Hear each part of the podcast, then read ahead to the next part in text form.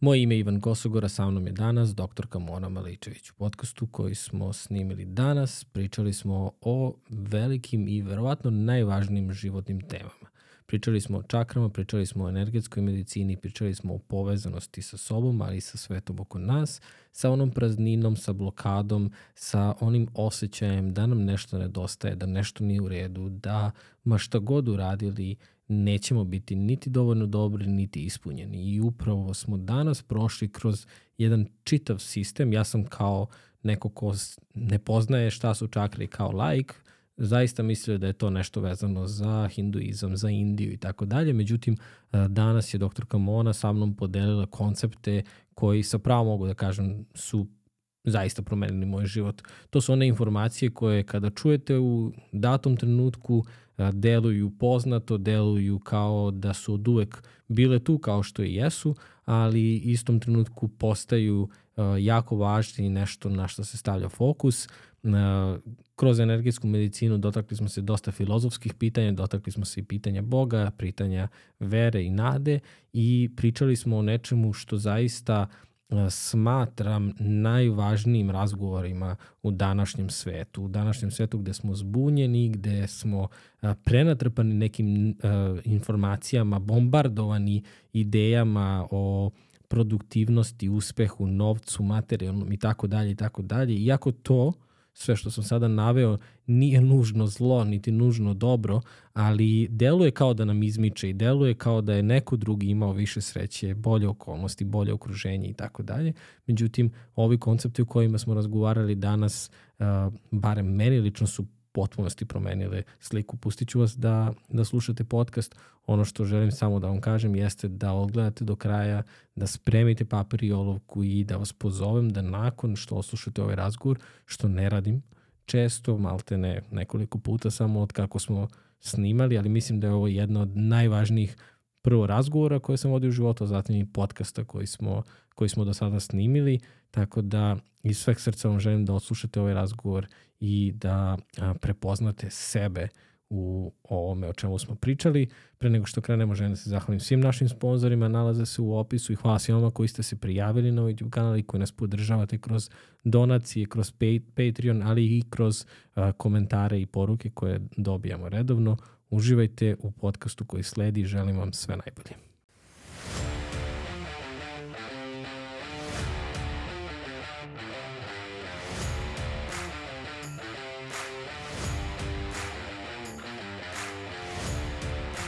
Ivan Kosogor podcast. Ja sam bio kod tebe i tvoje mame pre tri godine na radionici. Tri godine. Čoveč, pre četiri godine smo objavili prvi podcast. Mnogo, da. mnogo vremena je prošlo. I sad, se, sad, se, sad dolazite ti i, i Goca i prvo pitanje je kako, kako su deca. Znaš, to mi je mnogo drago. Promena pitanja. Da, da velike. Promena sad su, težišta. sad, su, sad su teža pitanja, u stvari. jeste, jeste. I onda kao poslije, nakon kako su deca, pro, onda, onda kukamo jedni drugi. Kako smo mi. a kako vi, a kako vi? ja i dalje se sećam te radionice i uh, znam da je uh, moj jedini utisak onako uh, bio nakon toga da kako, kako ova znanja koje ste nam vi to prenali, kako nisam ranije došao do njih, a druga stvar je bila da treba, to treba da daje, to treba da traje tri dana, četiri dana, da se, da se o svemu tome više priča. I zaista je fenomenalno. Ne znam li dalje radite te radionice? Radimo dalje radionice. U suštini za ove četiri godine toliko toga se promenilo. Generalno vreme o, imalo razne svoje faze. E, tako su se menjale i te radionice, tako se men, menjala struktura svega, pa su radionice nekada traje, bile su uživo pod broj 1, pa su se onda organizovali seminari i retriti koji su isto trajali nekoliko dana. Sada opet se mislim, mislim da je to sva, naravno krenulo od epidemija, ovaj, da se to sve pre, prebacuje online, da se to snima, pa onda snima od 8 sati, pa na 4 sata, pa na sat i po, pa na kraju završiš na TikTok kratkom video tako to, ovaj, e, zaista vreme ima neke svoje potrebe, ali definitivno uh, ljudi koji žele znanje i koji su željeni upijanja uvek žele da je to više, uvek žele uh, više detalja i svega. I što ti kažeš kad, kad je nešto prijemčivo i kad je za tebe, onda onda imaš potrebu da se dublje upustiš u to i da to sve nekako se razvije. Da, to je stvarno bio moj utisak i sećam se da je taj deo o čakrama, ono u stvari zašto sam te izvao danas da, da pričamo je ostavio jak utisak na mene jer uh, koliko god meni to bilo u tom trenutku nepoznato, u isto vreme mi je na prvu loptu zvučalo kao nešto što je kompletno. Kao nešto što ima mnogo smisla. Kao nešto što nisam ni, ni preispitivao, već sam odmah povezao sa nekim, znaš ono kad imaš neko znanje, o, a ne znaš da to znaš, nego ti izgleda poznato. Izgleda, aha, e pa da, da, da. E, sad, tako sam, tako sam i na radionici, evo, tri godine trebalo da se desi i ovaj, da, da sednemo da pričamo više o tome. Tako da, hajde da otvorimo tu temu čakri. Hajde da otvorimo Da. temu. Generalno mi je drago zato što prvi podcast koji se radila kod tebe mislim da je bio o vodenim danima. Da, da smo krenuli sa vodom, možda i nismo ili je nismo. To je drugi. Ili drugi, da, da super, ali uh, i juče sam dobila poruku vezano za to, prvi put sam uh, čula za ove stvari kod Ivana na podcastu od tebe i tako da za, zaista je to jedna energija negde koja ovde kod tebe se generiše i stvarno dolazi uh, verovatno u pravo vreme do, do pravih ljudi, tako da mi je baš drago, mislim, čak sam tu poruku i onako podelila javno, jer zaista negde izdvajaju se eh, te teme koje mi ovde obrađujemo, ove, verovatno negde lepa energija se kače na drugu lepu energiju, u suštini i čakre se i time bave, bave se energijom i zato sam i rekla to je jedan deo energetske medicine, vibratorne medicine, koji te kako funkcioniše, koji ima svoj život pa bar 5000 godina unazad pre nego što je ova naša klasična medicina i dobila neku svoju tako pompenznu ulogu ovaj, kod nas ljudi. E, neki vežu to, da kažem, za kinesku tradicionalnu medicinu, zato što, mislim, koja je jel, toliko stara. E, međutim, ona se malo više bazira na meridijanima, pa to i sam znaš, akupunktura i kako se energija na taj način, da kažem, postiče da struju u našem telu. Pa zato sve te iglice čačkaju određene delove tela, jer energija u našem telu nije lokalizovana, da kažem, na jednu tačku. Ovaj, ona struji celim našim telom, bukvalno kao krvotok, tako zamisliš i energetske strune koje idu po celom naše, našem telu. E sad recimo čakre, uh, one su kao gejziri energije i zato kažemo da na našem telu ima sedam čakri iz kojih zapravo energija uh, kao, bukvalno kao izvor iz koga ostali ti kanalići o kojima sam pričala kao krvotok izviru i šire se celim našim telom. I zato je jako jednostavno pričati o čakrama, pogotovo meni, e, jako mi je lako da objašnjavam e, bolesti, poremećaje zdravlja iz ugla čakri, jer svaka neka disfunkcija, disbalans u organizmu ima svoje mesto u sistemu energije. Znači, gde, gde, gde god da se nalazi neki problem, da li je rame u pitanju, grlo, štitna žlezda, e, neki deo creva, jajnici, šta god, ono u, u tom sistemu energije ima svoje jako dobro poznato mesto, ima određenu žlezdu koja, odnosno ceo deo endokrinog sistema koji se time bavi, ima deo, da kažem, um, apsolutno iz, iz ugla um, emocionalne, uh, uh, pa čak i mentalno-emotivni deo pozadinske priče iza toga, što mi je jako jednostavno kroz to. I uvijek kada pričam sa ljudima, njima isto bude neverovatno kako si ti pogodila, pa baš jeste to taj moj deo koji me, ne znam, emotiv, emotiv, emotivni problem, mentalno preopterećenje nečim, to je ta tema, to je moja životna, moja životna tema, nikako to da prevaziđem, nikako su uvek ljudi se pronalaze kada pričamo o tome. Zato što to je naprosto tako, funkcioniše na taj način. Uh, kažem, i mnogo, mnogo, ovaj, već hiljada godina ovaj, uh, taj, ta struktura energetske medicine funkcioniše. Tako da mi je drago zapravo da negde mi to malo sve možemo da kombinujemo sa ovom klasičnom medicinom, jer uvek taj spoj alternativne medicine i klasične medicine donosi bolji rezultat. I to je negde moja misija, verovatno da prenesemo ovde nama, našim ljudima na našem jeziku, e, da e, to zaista radi, da su to stvari koje su e, koje nadopunjuju jedna drugu, koje samo mogu da donesu da kažem i veće rezultate i brže rezultate, bolje rezultate e, što svi želimo. U suštini mi želimo da se jel tako da budemo srećni, da budemo zdravi, da živimo na većem nekom ne znam stepenu, kvalitetu. Tako da ovaj definitivno mislim da treba kombinovati te dve stvari. kroz, kroz ovaj podcast stvarno sam imao priliku da pričam sa, sa mnogim lekarima, doktorima i najrazličitiji pristupi su tu, ali ono što je definitivno moj zaključak do sada je da, da telo nije samo sklop organa i da to nije samo mehanički povezano i fizički povezano, već upravo što ti pričaš i energetski, ali ovaj, nismo do sada obrađivali ovu temu. Pa hajde da, da krenemo tih osnovnih, uh, gde se nalaze te čakre, uh, da li nam čakre služe samo da uh, pročitamo, analiziramo šta se dešava ili možemo nekako da utičemo na čakre i tako dalje, da otvorimo celu tu priču. U stvari da se i kaže kao otvaranje čakri. Sa, može sa, i otvaranje, da. može i balansiranje, može sve. Uh, ja bih uh, tu temu počela generalno, generalno sa energijom. Jer kada ja i kažem energetska medicina, ja uh, imam osjećaj nekada su ljudi zbunjeni o kojoj energiji ja pričam kao o kakvoj energiji se tu radi. Jer nekako je možda to preopširno i ljudi možda imaju najrazličitije fantazije kada pričamo o energiji, ali možda im i, i, i na prvu loptu to izgleda nekako nedostižno, jer misle da moraju da budu neki kvantni uh, fizičari, da budu, znaš ono, da se bave fizikom ili da znaju neke pojmove metafizičke, da bi uopšte razumeli ove teme, što apsolutno nije tačno. Uh, o, energija je svuda oko nas i u nama naravno. A ova energija o kojoj mi govorimo je ona klasična energija koja ide ako gledamo biološki na naš organizam. To je energija uh, u, koje, u koja je sadržana u atomima naših ćelija. Znači naše ćelije, uh, naše telo je sazdano od milijardi ćelija uh, i kada uđemo malo dublje u tu strukturu vidimo da i te ćelije imaju niže strukture. Znači da su one stvorene od molekula i jako malih sitnih partikulica koje svi znamo da se zovu atomi. I upravo u tom atomu, unutar tog atoma je ta, to su te sile, to je cela fizika je u suštini u tom atomu i tu je ta energija. Tako da u tom atomu ima mnogo više energije nego što ima pravih čestica materije uh, uh, i to je ta energija koju, koju mi želimo da pokrenemo u nama, koju generišemo, koju sortiramo na različite načine, opisujemo, pa između ostalog, ovaj, uh, eto tako su ovaj, ljudi sa, zapravo sa istoka o, o, primetili da se ona grupiše, koncentriše u odre, na određenim delovima tela na jedinstven način i tako smo došli do čakri. Kažem, znači to je sedam vrtloga energije koje, nalazi, koje se nalaze u našem telu, koji se zapravo mogu detektovati različitim aparatima. Znači sad je već tehnologija toliko uznapredovala da više to nije nikakva tabu tema, niti ja pričam um, nešto što se nekome spustilo kroz meditacije ili mu je nadošlo intuitivno.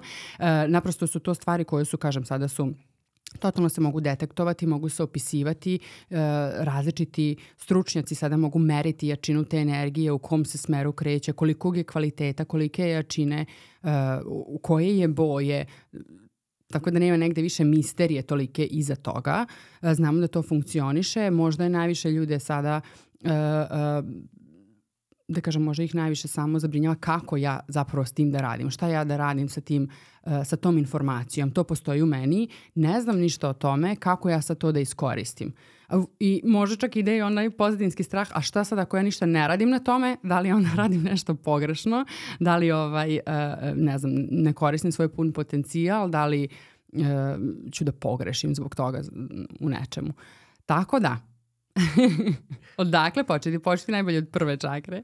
Ajde da poređe ih. Uh, ja sećam nešto sa radionice da to ide po pravoj liniji. Jeste. Okay. Jeste. Namerno nisam hteo da, da istražujem uh, mnogo pre našeg ovog razgovora, jer sam hteo da sva pitanja stvari usmerim ka, ka tebi da bih dobio naj, najbolje moguće odgovore. Tako da Sećam se da, da ima te prave linije. Jeste, jeste. Kažem, to, to je onako jedan super sistem čakri. Postoje čakre, odnosno ti um, energetski vrtlozi, kako ih ja nazivam, uh, koji postoje na našem telu, ali postoje i izvan našeg tela. Za ovaj podcast bi ostavila ove koji su na našem telu, kao je dovoljno ovaj, na, na njih se skoncentrisati uh, i oni idu, da kažem, uzduž nač, naše kičme. Tako posmatramo kao što mi vertikalno stojimo kao ljudi, tako posmatramo i čakre. I prva, uh, ta korenska čakra se nalazi onako u predelu, uh, na primjer, međunožija, u korenu kičme i to je ta prva čakra. I kako se krećemo prema glavi, imamo ispod uh, pupka drugu čakru, treća čakra je u predelu želuca, četvrta je u predelu srca, peta uh, u nivou grla, uh, štitne žlezde, uh, šesta je u nivou tu kako zovemo to šest, e, treće oko, predelu čela ili između očiju i uh, sedma čakra je na vrhu naše glave, sedma čakra, krunska čakra gde bi stala kruna, tamo je i krunska čakra, tako da je vrlo jednostavno, mislim čak je jednostavno i za zamisliti, Svaka, čakra ima neku svoju boju, što je jako interesantno. Kažem, opet to je isto tako ovaj, već uh, nešto što se može detektovati aparatima. Jer svi smo mi u nekim bojama, sve su to neka prelamanja svetlosti. I jako je to zanimljivo zato što kada pričamo o energiji, kada pričamo o uh, čakrama, mi na neki način možemo da ih balansiramo tako što ćemo da imamo neke vežbice, imamo neke, pa čak i životne um, um, rutine, rituale koji prijaju uh, energiji datog energetskog centra i to je baš super. Pa između ostalog čak ako pričamo o prvoj čakri, na primer, uh, to je energija, snažna muška energija, crvene boje, pa kada nam i fali malo dodatne te energije, kada bismo želeli da aktiviramo tu prvu čakru, naravno da bi nam koristilo i da se obučemo u crveno, popijemo možda neki čaj od hibiskusa koji je crven, popijemo sok od možda e, nara koji je takođe crven. Znači imamo te neke stvari koje će naprosto buditi vatru u nama jer je to ta prva čakra. Kažem, evo ima ih sedam pa možemo onako baš lepo da se posvetimo uh, svakom centru um, pona osob. I ono što je meni najbitnije kada pričamo o čakrama je da zapravo prenesem da ta čakra ima neku poruku. Svaka čakra ima neku poruku, uh, ima određeni nivo tela ko, kojim se bavi. Znači, ako pričamo o našim nogama, ako pričamo o delu, na primjer, spoljnih genitalija, pričamo o završetku, e, o rektumu, e, to su sve delovi tela kojima se bavi prva čakra. Tako da ako neko ima problem sa proširenim venama na nogama, neko ako ima problema sa mišićima, tetivama, zglobovima na nogama, e, šta god da je značajno, znači u predelu, e, ne znam, apsolutno, ne, na primjer hemoroidi, Znači, svaki taj deo tela koji sam, na primjer, sada pomenula, koliko neko ima problem sa tim, da znate da je to prva čakra, odnosno energija tog centra koja se javlja i kaže hej, hej, hej, ovaj, možda se stvari baš ne odvijaju u pravom smeru ovde. I ta uh, poruka zapravo prvog energetskog centra uh, je priča o strahovima. Uh, Tako da je to možda jedna od najaktualnih tema trenutno u svetu, ja bih rekla. I mislim da je to tema koja će da tek dobije jako veliki značaj u budućim danima, um, jer je to, uh, o, mislim, čak nije ni slučajno, jer kad imamo tu uh, energiju ili emociju straha u sebi, to je onaj moment odsek, odsekle su mi se noge. A, da, da, da. I to svako sa tim može da se poveže, ali zaista kada se toliko uplašimo uh, za sebe, mi više ne osjećamo povezanost sa energijom centra jezgra zemlje sa tim magnetom koji nas sve to drži onako baš, da kažem, dobro energetski dopingovane uh, i stvari tu počinju da se menjaju. E, tako da bih e, to posebno naglasila, da svaki energetski centar ima određenu emociju koja ga ojačava i ima ono koja ga sabotira, odnosno ga blokira.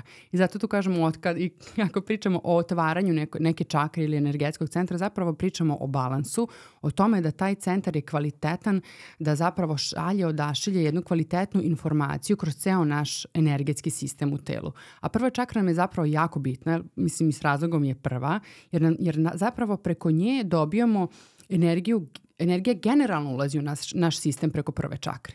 Znači preko nogu mi iz prirode, znači iz uh, ovog bioenergetskog polja uh, planete Zemlje, zapravo primamo tu energiju u sebe pravu životnu, onu sirovu energiju primamo u sebe i ona se tu negde koncentriše u našoj prvoj čakri. Pa tako ako već tu se nalazi problem, svaka naša druga čakra naravno pati zbog toga. Zato nam je ona bitna, zato uvek pozivam ljude da ako ne znaju odakle da krenu sa radom na sebi, sa energetskom medicinom, neka to bude prva čakra. Ona je zapravo jako jednostavna za shvatiti i balansiranje te čakre do duše možda, možda i najlekše od ovaj od ne, mislim, u odnosu na neke druge više čakre, šesta, sedma čakra, one su, ja ih zovem filozofske čakre, zato što zapravo ljudi koji se dosta bave spiritualnošću ili radom na sebi, onako su skoncentrisani da zapravo razviju te čakre kod sebe, a nama ljudima u suštini jako potrebno da nama te donje čakre uh, jako dobro uh, funkcionišu, jer u suštini oni imaju ulogu jednog gromobrana za naš sistem kakve god da fiks ideja nama dolazi ili super ono ideje, uh, uh, velike stvari, grandiozne, imamo takve misli, imamo takve želje, ambicije, da bi se to spustilo i materializovalo, moramo da imamo jake donje čakre, energetske centre. Naše telo, naša fiziologija to mora da nosi. Znači, uh, zbog toga, onako, kada ljudi, da kažem, su na putu na nekom velikom putu, kako su ambiciozni, e, primaju na sebe jako puno energije, jako puno odgovornosti, rade sa puno ljudi. Pitanje je kako njihovo telo to nosi. Zato ćete vidjeti neke uspešne ljude koji su, da kažem, možda imaju neke izazove sa zdravljem, gde su išli, išli munjevitom brzinom na gore, je tako? I onda su jednom stali, pali, pukli, kako god da su ljudi to doživeli, zato što njihovo telo to više nije moglo da nosi. Znači njihov njihov sistem uh, uzemljenja, znači njihov gromobran naprosto nije bio dovoljno snažan. Zanemarili su osnovne principe ljudskosti, fiziologije, znači bukvalno su prekršili uh, zakone prirode, zakone uh, uh, toga što smo mi zapravo ljudi. Koliko uh, je uh, svako od nas, evo sad rekli si uspešni ljudi, ali mislim da je nekako i naše okruženje uh, pričam o gradskom, ne pričam ono kada se malo izdvojiš iz, iz te gužve i galame, koliko je uopšte moguće zadržati taj balans prve, prve čakre i uzemljenja, ako kažeš da dolazi iz zemlje, a mi hodamo po betonu i ispod betona se opet nalazi neki neka kanalizacija ili možda neka garaža ili, ili šta god, tako da smo veoma udaljeni od onoga što nam je potrebno. Koliko uopšte je moguće održati taj balans i kako kada je neko u, u gradu, a koja je razlika kada je neko na, na selu ili kada živi bliže zemlji, da tako Jeste. kažem. No, to je pitanje skroz na mesto, zato što je definitivno lakše ljudima koji žive na selu, ljudima koji žive u šumi, koji žive u prašumama. Imam zapravo prijatelje koji žive svuda, onako i po Brazilu i nekim onako nenaseljenim ovaj, delovima.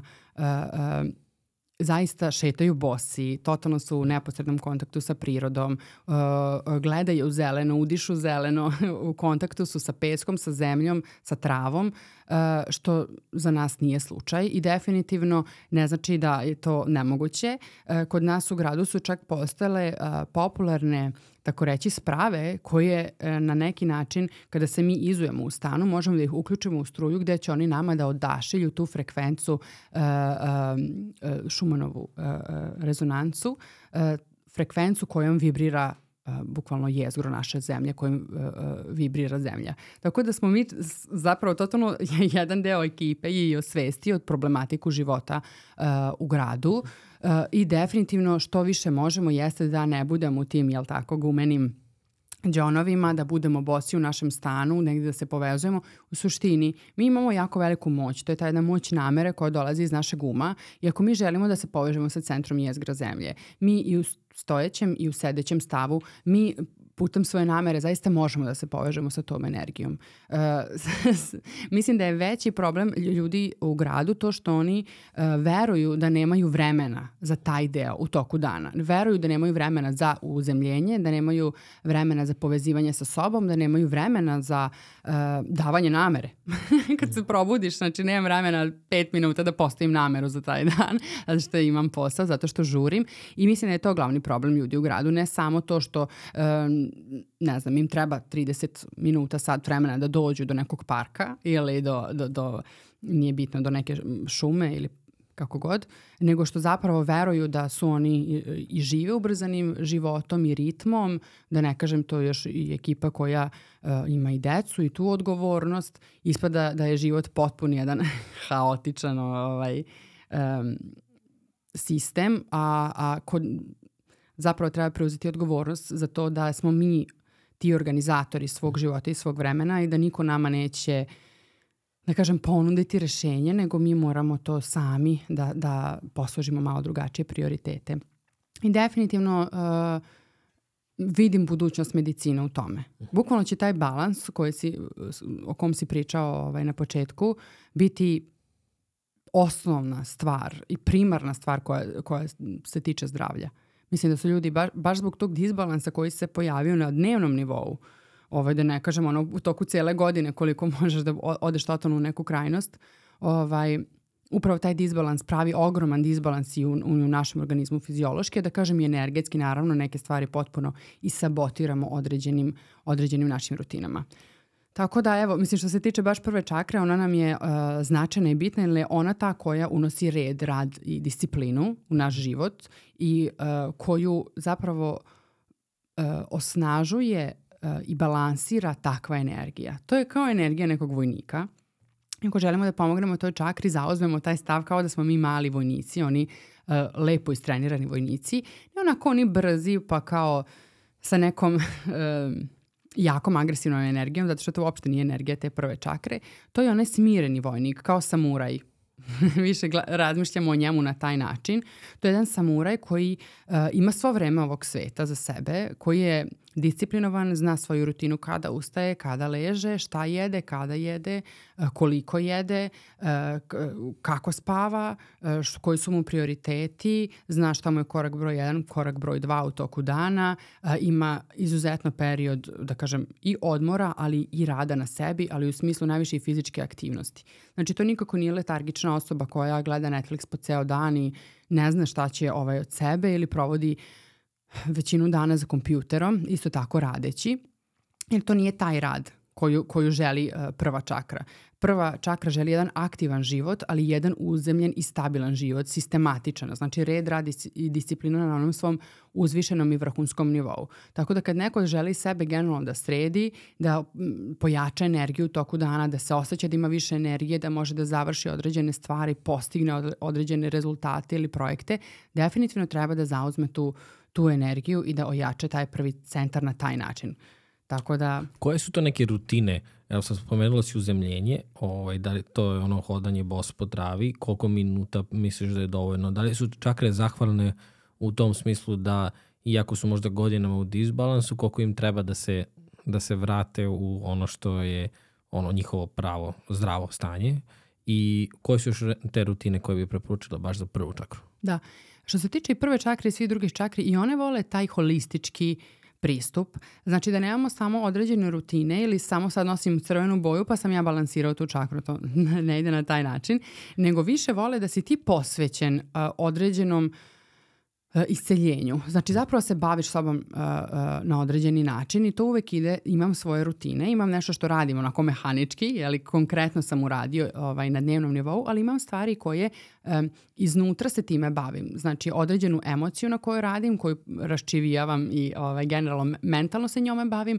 ali bavim se i na dubljim strukturama. Znači apsolutno uh, emo, emotivno se od toga ovaj, na neki način oporavljam, isceljujem apsolutno, transformišem te emocije i s druge strane i vibratorno ja rešavam priču i potpuno balansiram na taj način. E, zbog toga kažem uvek ide, ide holistički. Imamo deo uzemljenja, to može biti šetnja na dnevnom nivou 20 minuta, da li smo bosi, bilo bi idealno, ali u suštini uzemljenja se može raditi i čim otvorimo oči, znači kada sednemo na ivicu kreveta ili slično, uh, osetimo svoja stopala. Stopala su nam jako bitne za uzemljenje ili ako baš sedimo možda dole na, na travi ili, ili na patosu, uh, onda se fokusiramo na uh, dno kičme, znači na taj deo na taj deo kičme i naprosto dajemo nameru da se uzemljimo na centar jezgre zemlje. Znači, generalno razmišljamo o zemlji kao našem prirodnom staništu, nešto što nas uh, hrani, nešto zbog čega živimo. To je ta energija koja e, i tekako je zavisna i od drugih planeta. E, ta, taj veliki magnet naše planete Zemlje zavisi i od sunca, zavisi i od drugih planeta i od, od celog svemira. Zapravo od, od tih prirodnih zakona koje važe, od svemiru, koje važe u svemiru sve zavisi. Pa tako i naša planeta Zemlja i tako naš mikrosistem, mislim na naše telo. Izvini što te prekidam. Uh, postoje neka četiri elementa koja čine planetu, a čine i nas. Možeš samo da ih spomeneš samo da bi da. upravo ova priča, jer to je meni bio dovoljan kao ja ne, ne, ne mogu da, nisam ono 100% skeptičan jer onda ne možeš da živiš tako, onda bi se stalno okretao da, da vidiš da će neko da ti nešto uradi, ali ovaj, ta četiri elementa kada si mi to pričala, to mi je bilo dovoljan dokaz da, da upravo što ti pričaš jeste neraskidivo povezano. Uh, na nekim nevidljivim vezama koje su veoma jake, možda čak i jače od ovih fizičkih.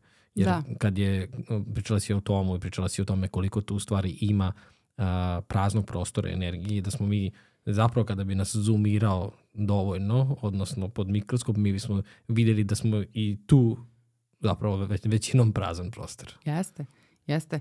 E, tako da u suštini postoji četiri elementa naravno. E, kineska tradicionalna medicina čak i više ele elemenata spominje u, u svom sistemu isceljenja i, i diagnostike. E, ali mi se ovde bavimo zemljom, vatrom, vodom i vazduhom. Znači to su ta neka naša četiri elementa i generalno to su neka četiri agregatna stanja vode koja, koja imamo kao što je voda, voda, e, voda kao vodena para, voda kao led, pa je u čvrstom stanju. Tako da u suštini jako lako možemo da se povežemo sa svim e, sa svim tim što, što mi zovemo priroda, od čega smo apsolutno mi, ne samo od čega smo mi sastavljeni, mi smo neraskidivi deo toga.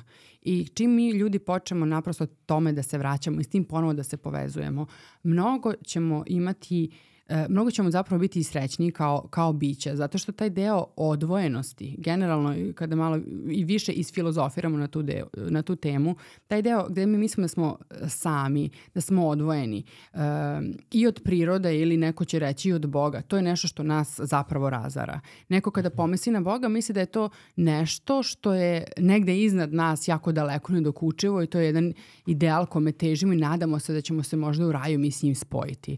To je automatski automatska polarizacija. To je automatski jedna priča o odvojenosti, od odcepljenosti, od udaljenosti od izvora.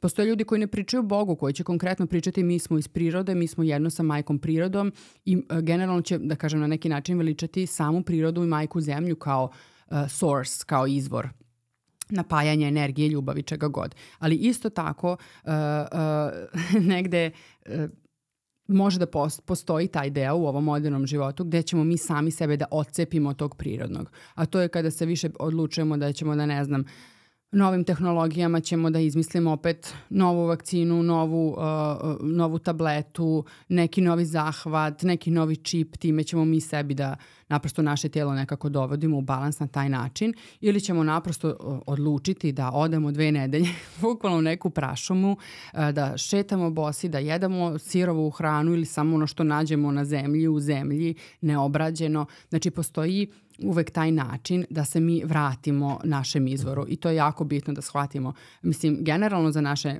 celokupno zdravlje je bitno da shvatimo da ta e, podeljenost i polarizacija e, nas mogu samo razboljevati, a ne da nas ozdravljaju. Kažem, da li pričamo u kontekstu Boga, gde ćemo da shvatimo da, da je to nešto što je u nama, sa nama i da smo mi već jedno, isto tako da shvatimo da smo mi od, istog, od istih elemenata i da smo jedno sa prirodom i da jedno bez drugog ne možemo da funkcionišemo i da živimo. I čim to malo više integrišemo u svoju svakodnevnicu, možda malo više svesti generalno damo svemu tome namere da ćemo nešto malo više da pogledamo, pročitamo neki podcast, neku knjigu, te stvari počinju da žive. Jer ono na što obraćaš pažnju, to raste u tvom životu. I zato pozivam ljude da ožive te stvari kod sebe.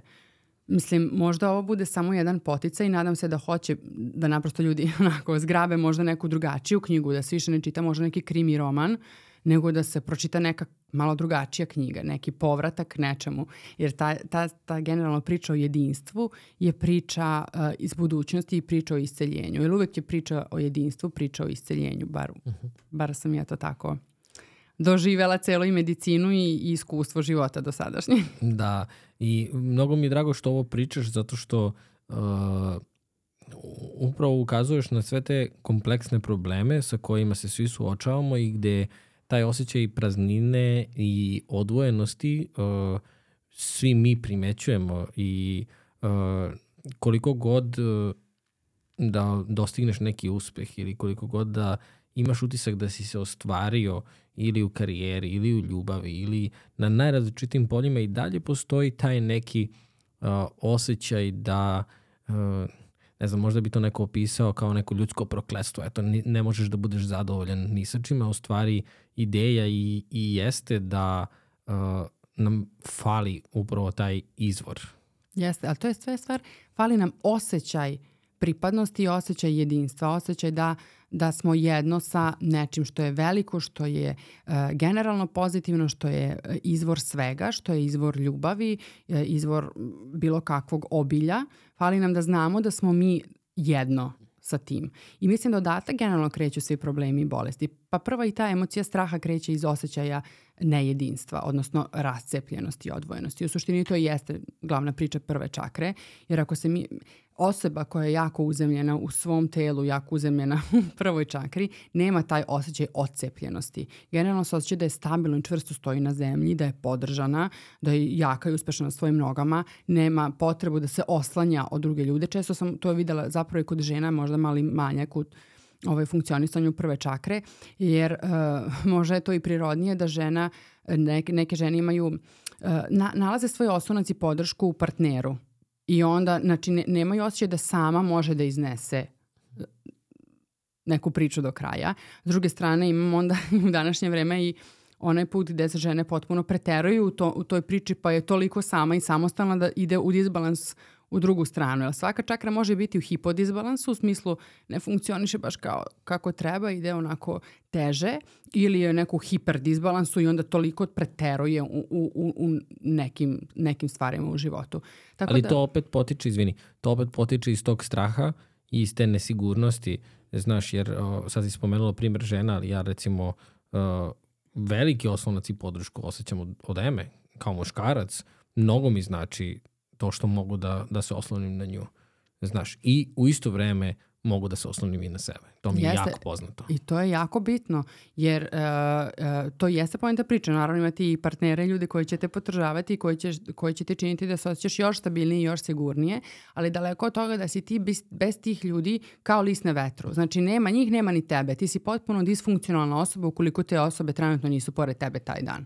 Znači ti kao, znaš, da, da. ništa ne bi mogao da učiniš bez toga. E, tako da je nama samima, znači bilo da smo muškarac ili žena, bitno da e, imamo osjećaj da čvrsto stojimo na svojim nogama, da smo uzemljeni onako baš e, e, e centrirani i odatle kreće taj osjećaj e, sigurnosti. I zapravo prva čakra je ta koja kada sve naše strahove e, prevaziđemo, i imamo priču o stabilnosti i sigurnosti. Tamo gde ima sigurnosti nema straha. Tamo gde ima straha, tamo je osjećaj nesigurnosti i to je To je jako jednostavno za shvatiti. Dakle, negativna emocija bi bila uh, i osjećaj nesigurnost, a pozitivna je osjećaj stabilnosti i sigurnosti. Jeste, znači zapravo uh, najjednostavnije je reći da se prva energija destabilizuje bilo kojim osjećajem straha, jer taj strah upravo dolazi do nesigurnosti. To, su ne, to je klasičan strah, uh, strah od nemanja, strah od bolesti, uh, od to, znači razni strahovi vezani za posao, uh, na, klasične stvari, da li ću imati da platim kiriju, da jedem, da, da nešto iškolujem decu. Znači to su ti kao ovozemaljski naši ljudski strahovi koji nama pravi osjećaj velike nestabilnosti u životu. Gde idu klasična ona, da kažem, sekiracija i nerviranje koje nama ljulja tlo pod nogama. I shvatit ćemo da zapravo da Ma da radimo godinu dana samo na prvoj čakri i da, da to potpuno prevaziđemo te teme, naš život bi već imao potpuno jednu novu dimenziju. Znači, totalno bi nas već postavio na onako totalno nove temelje. Čak i u Bibliji, sad parafraziram, ali ima jedan deo gde kaže da uh, ako se plašiš, nećeš ni zasaditi uh, seme, jer ćeš uvek imati utisak šta ako padne kiša, šta ako ti pojede neko, šta, i on nećeš nikada ni dobiti taj plod jer si se previše, previše plaši. Jeste. I mi ljudi, onako zapravo jako jednostavno... Za vas koji slušate, ja sam samo okrenuo ka Emi da, da pozdravim ovo. ovaj, kao što sam da kažem, ali hoću da kažem da je zapravo jako jednostavno kod nas ljudi izazvati taj osjećaj stabilnosti i sigurnosti. Jer uh, fascinantno je koliko zapravo samo fizička aktivnost kod nas stvara taj osjećaj sigurnosti i stabilnosti u telu. Tako da i, da i ne znate bukvalno odakle da počete, počnete i ako već ovo što smo do sada pričali vama izgleda onako može kao uhu, ima ovde posla. U suštini je jako jednostavno. Uzmite vaš nedeljni raspored, znači sedam dana ispred sebe. O, o, lepo je praviti taj raspored nedeljom, da imate celu nedelju pregledno ispred sebe. Upišite dane kada ste na treningu, Upišite dane uh, kojima definitivno ulazite u malo dublji odmor. Koji je to period dana kada ste u meditaciji ili ste u šetnji prirodom, kada osjećate, znači kada imate neku praksu povezivanja sa tim višim od sebe, kako god, da li je Bog u pitanju ili generalno, kažem, priroda, uh, um, univerzum. Šta ti misliš da je? Kako bi ti rekla? O, ovaj, kada bi iskoristila samo jednu reč? Za? Za ovo sad? Da li ti, ti kažeš univerzum, da li kažeš Bog za sebe, šta kažeš? Ja najčešće Kao, pa šta kažem? Mislim da zavisi s kim pričam, zato što mi je uh, uvijek bitnije da osoba preko puta mene zna na što ja mislim. Ali mislim da smo kada... došli, izvini, mhm. mislim da smo došli u situaciju da ne znamo jer, na šta mislimo, jer uh, tražimo reč koja, koju mi smatramo da odgovara osobi preko puta nas da nas razume. Uh, ali upravo zato što smo izgubili standardizaciju toga, pogotovo kao hrišćani, jer recimo nikada nećeš čuti neko ko je musliman, veliko poštovanje, nikada nećeš čuti da kažu pa možda je Allah, ali možda je, ako je za tebe, možda je drvo života, nego će reći Allah. I neće dovoditi u pitanju uh, u pitanje upravo uh, način na koji se izražava, jer im je vrlo jasno šta stoji iza. Reči su jako moćne, ti, jako ti ja smo pričali moćne, mnogo o tome. Mislim da je kod nas zbunjenost nastaje jer ti iz najbolje namere tražiš odgovarajući jezik za nešto što je vrlo jednostavno, to je Bog. Da preneseš nekome kako bi te najbolje razumeo. I iz toga mislim da dolazimo do još veće ono konfuzije u, u smislu kao pa ko, ko, kako da objasnim sada nešto. Zato sam te pitao šta je za tebe tačno. Da. E, to, to je super generalno, ovaj, baš je ovo što si spomenjao. Ja tražim reči uh, i tako i biram da budu što uh, obuhvatnije. Znači da ako ja kažem Bog, da se to ne odnosi samo na vernike ili ljude koji se po, poistovećuju veru sa religijom. Uh, kad čim neko kaže Bog ili Allah ili kako god, odmah je to neka, neka stvar gde uh, damo da je to prevelika filozofija ili, ili neka, neka disciplina, određena duhovna disciplina oko, na koju ja mislim. A ovako kada ja, na primjer, kažem izvor, što je meni, na primjer, naj, najbolje, ovaj, uh, mislim da nekako mogu da kao da imam neki osjećaj da tu već može apsolutno svaka osoba na planeti Zemlji da se poveže sa svojim izvorom. Pa što ti kažeš, neko će ga nazvati Bog, neko će nazvati, uh, baš će mu dati ime Allah, baš će reći Buda, baš će reći neko ime. Uh, ili, ili naprosto će pomisliti majka priroda kao izvor ili će pomisliti univerzum, kosmos kao to ovaj, i zbog toga negde meni kao source, kao mhm. izvor svega, jer uvek kad mislim izvor, mislim na izvor ljubavi i svega onoga kako bi ti Boga i opisao. E, za, zato tako nekako biram reči da nekako svi na svetu mogu s tim da se da, da, da ih obuhvatim sve. Zato što i kad pričamo o ovome, e, kada pričam pogotovo o čakrama, ja mislim da 95% ljudi uh, misli da pričamo o nekoj hinduističkoj ili nekoj drugoj istočnjačkoj zapravo religiji i obično vidjet ćeš i posle na komentarima, verovatno i posle na podcastu ili na društvenim mrežama, koliko debate se otvori o tome uh, zašto ja to pričam kada, ne znam, crkva to ne, kao ne prepoznaje ili možda ljudi misle da crkva ima neko određeni, neki određeni stav prema tome.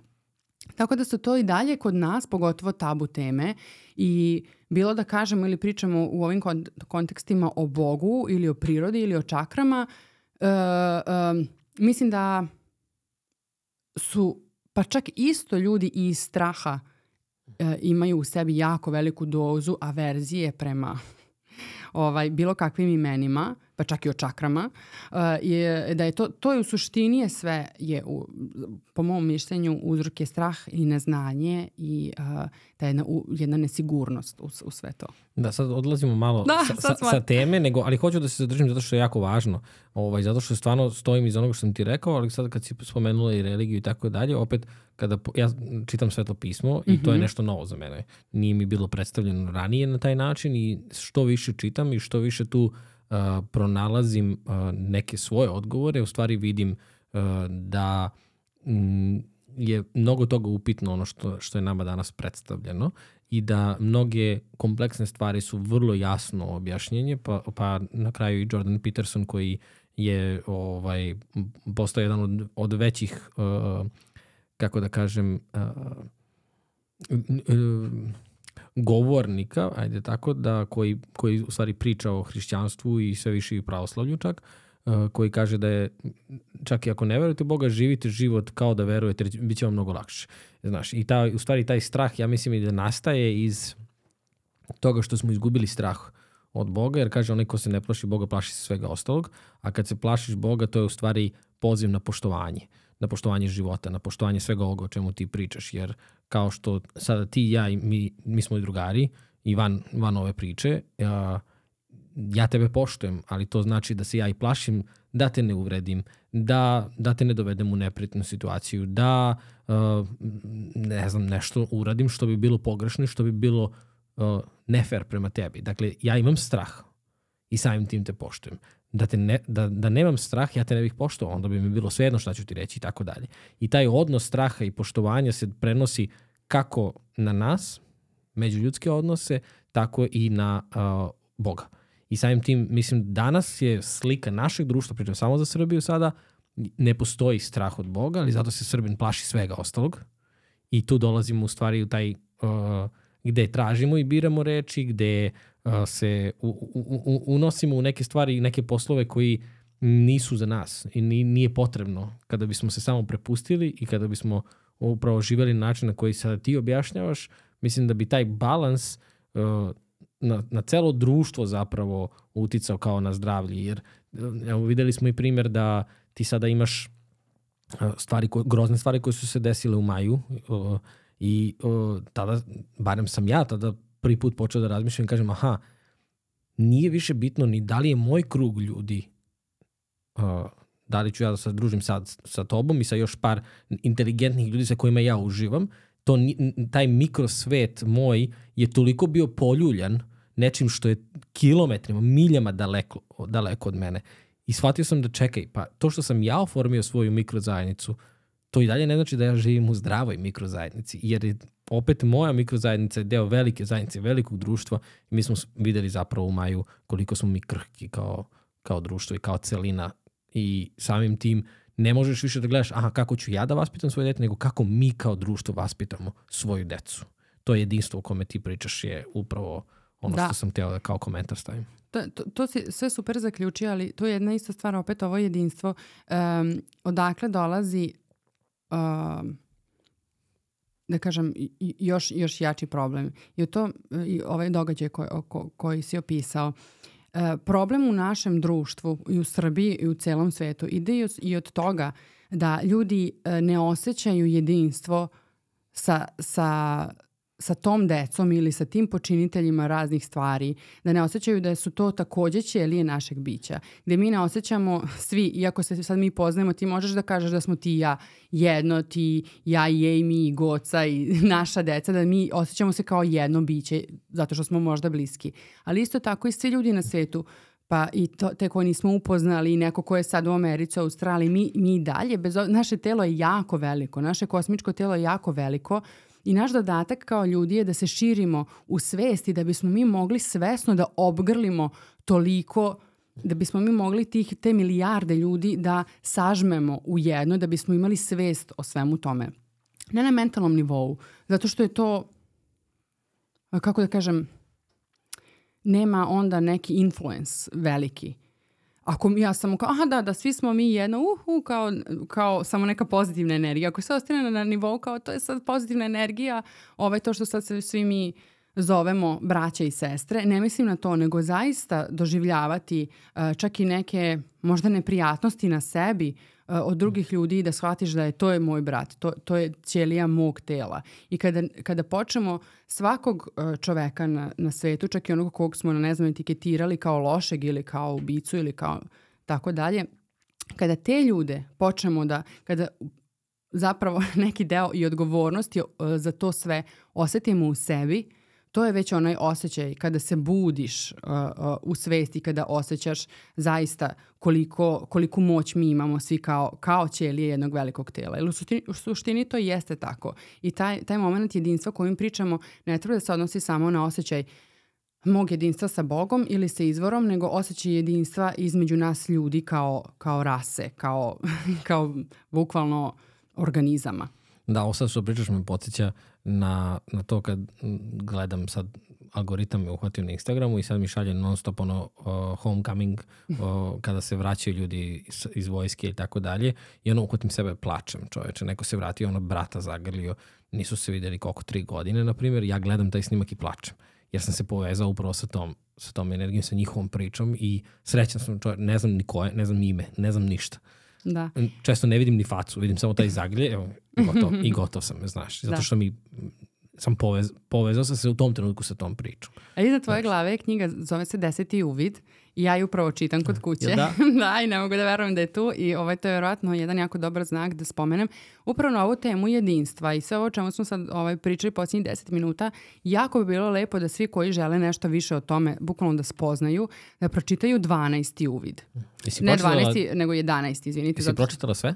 Uh, uh, ostao mi još uh, da završim 10. i 12. Uh -huh. Pročitala sam Celecinsko proročanstvo i 11. uvid. 11, u 11. uvidu se jako lepo priča o tom jedinstvu, o našoj odgovornosti, o svakom e, detalju koji se desio u svetu, o svakom ratu gde god da se nalazi, o svakom ne znam kakvom počinjenom problemu koji se, koji se desio, koliko smo mi svi jako bitni za to, koliko, koliko treba da nas je briga za, za sve to, a ne da uh, to etiketiramo kao ju bože dragi strašno ovo je jako daleko ja to ne ja to osuđujem ja to ne podržavam ja to nikad ne bi jer sve to što klasifikujemo kao negativno kao daleko kao bože moj dragi uh, negde ovaj um, kao da sebe s druge strane prijavljujemo za, na, u nekom sledećem krugu, ne znači, ja ne, ne pričamo o sledećem životu, pa kao neki zagovornik reinkarnacije ili tako nešto, nego u sledećem krugu, možda već sledeće godine, sledeće nedelje, da se nađem u istoj takvoj poziciji, da samo iz tog razloga da bi razumeo da je to sve znači da smo svi mi sposobni za sve, da, su, da je to sve spada u jedan dijapazon ljudskih stvari i, i strana i, i ko, znači za šta smo mi sve sposobni i šta sve u nama postoji samo po sebi. Kad je tako, e, prvo za ove knjige ja sam dobio taj komplet od Jovane, tako da hvala Jovana ako slušaš i dalje podcast. Ovaj, to sam dobio na poklon pre par godina. A, ali zanimljivo je da to kada se desi nešto loše u svetu, distanciramo sebe i odaljimo se mnogo, a onda ono kad su lepe neke stvari i kad sreteš nekoga koga nisi vidio, ono, ne znam, meni se desilo da sam u Washingtonu na, na železničkoj stanici sam sreo drugara kog nisam vidio koji iz Novog Svata, kog nisam vidio pet godina, lupam. I ono bio sam uzmano kako je mali svet. Znaš, za lepe stvari nam je svet mali, za loše stvari to, pa čak i ako se desi u Kraljevu, ja sam u Brenovcu, to je kao mnogo daleko. Znaš, i taj, taj, taj beg u stvari o kome sad pričamo je nemoguća misija zapravo. Jer, što ti kažeš, svidela mi se ta ideja da, da se prijavljaš za, za sledeći koliko god sad to sa osmehom rekli, ali opet ovaj, Jeste, samo to, zbog toga da ne bi više, više osuđivao, da ne bi, mm. ne bi upirao prstom, da bi razumeo da u nekom određenoj situaciji za nekoga je to naprosto uh, bio, bio izlaz, su bile izlazna vrata. I, i naprosto niti bi želeli, niti treba da ovaj, uh, uh, dovodimo sebe nenamerno u tu situaciju da, da uradiš nešto ovaj, čak i slično, da bi samo da bi razumeo i da ne bi osuđivao nikoga za šta god to bilo.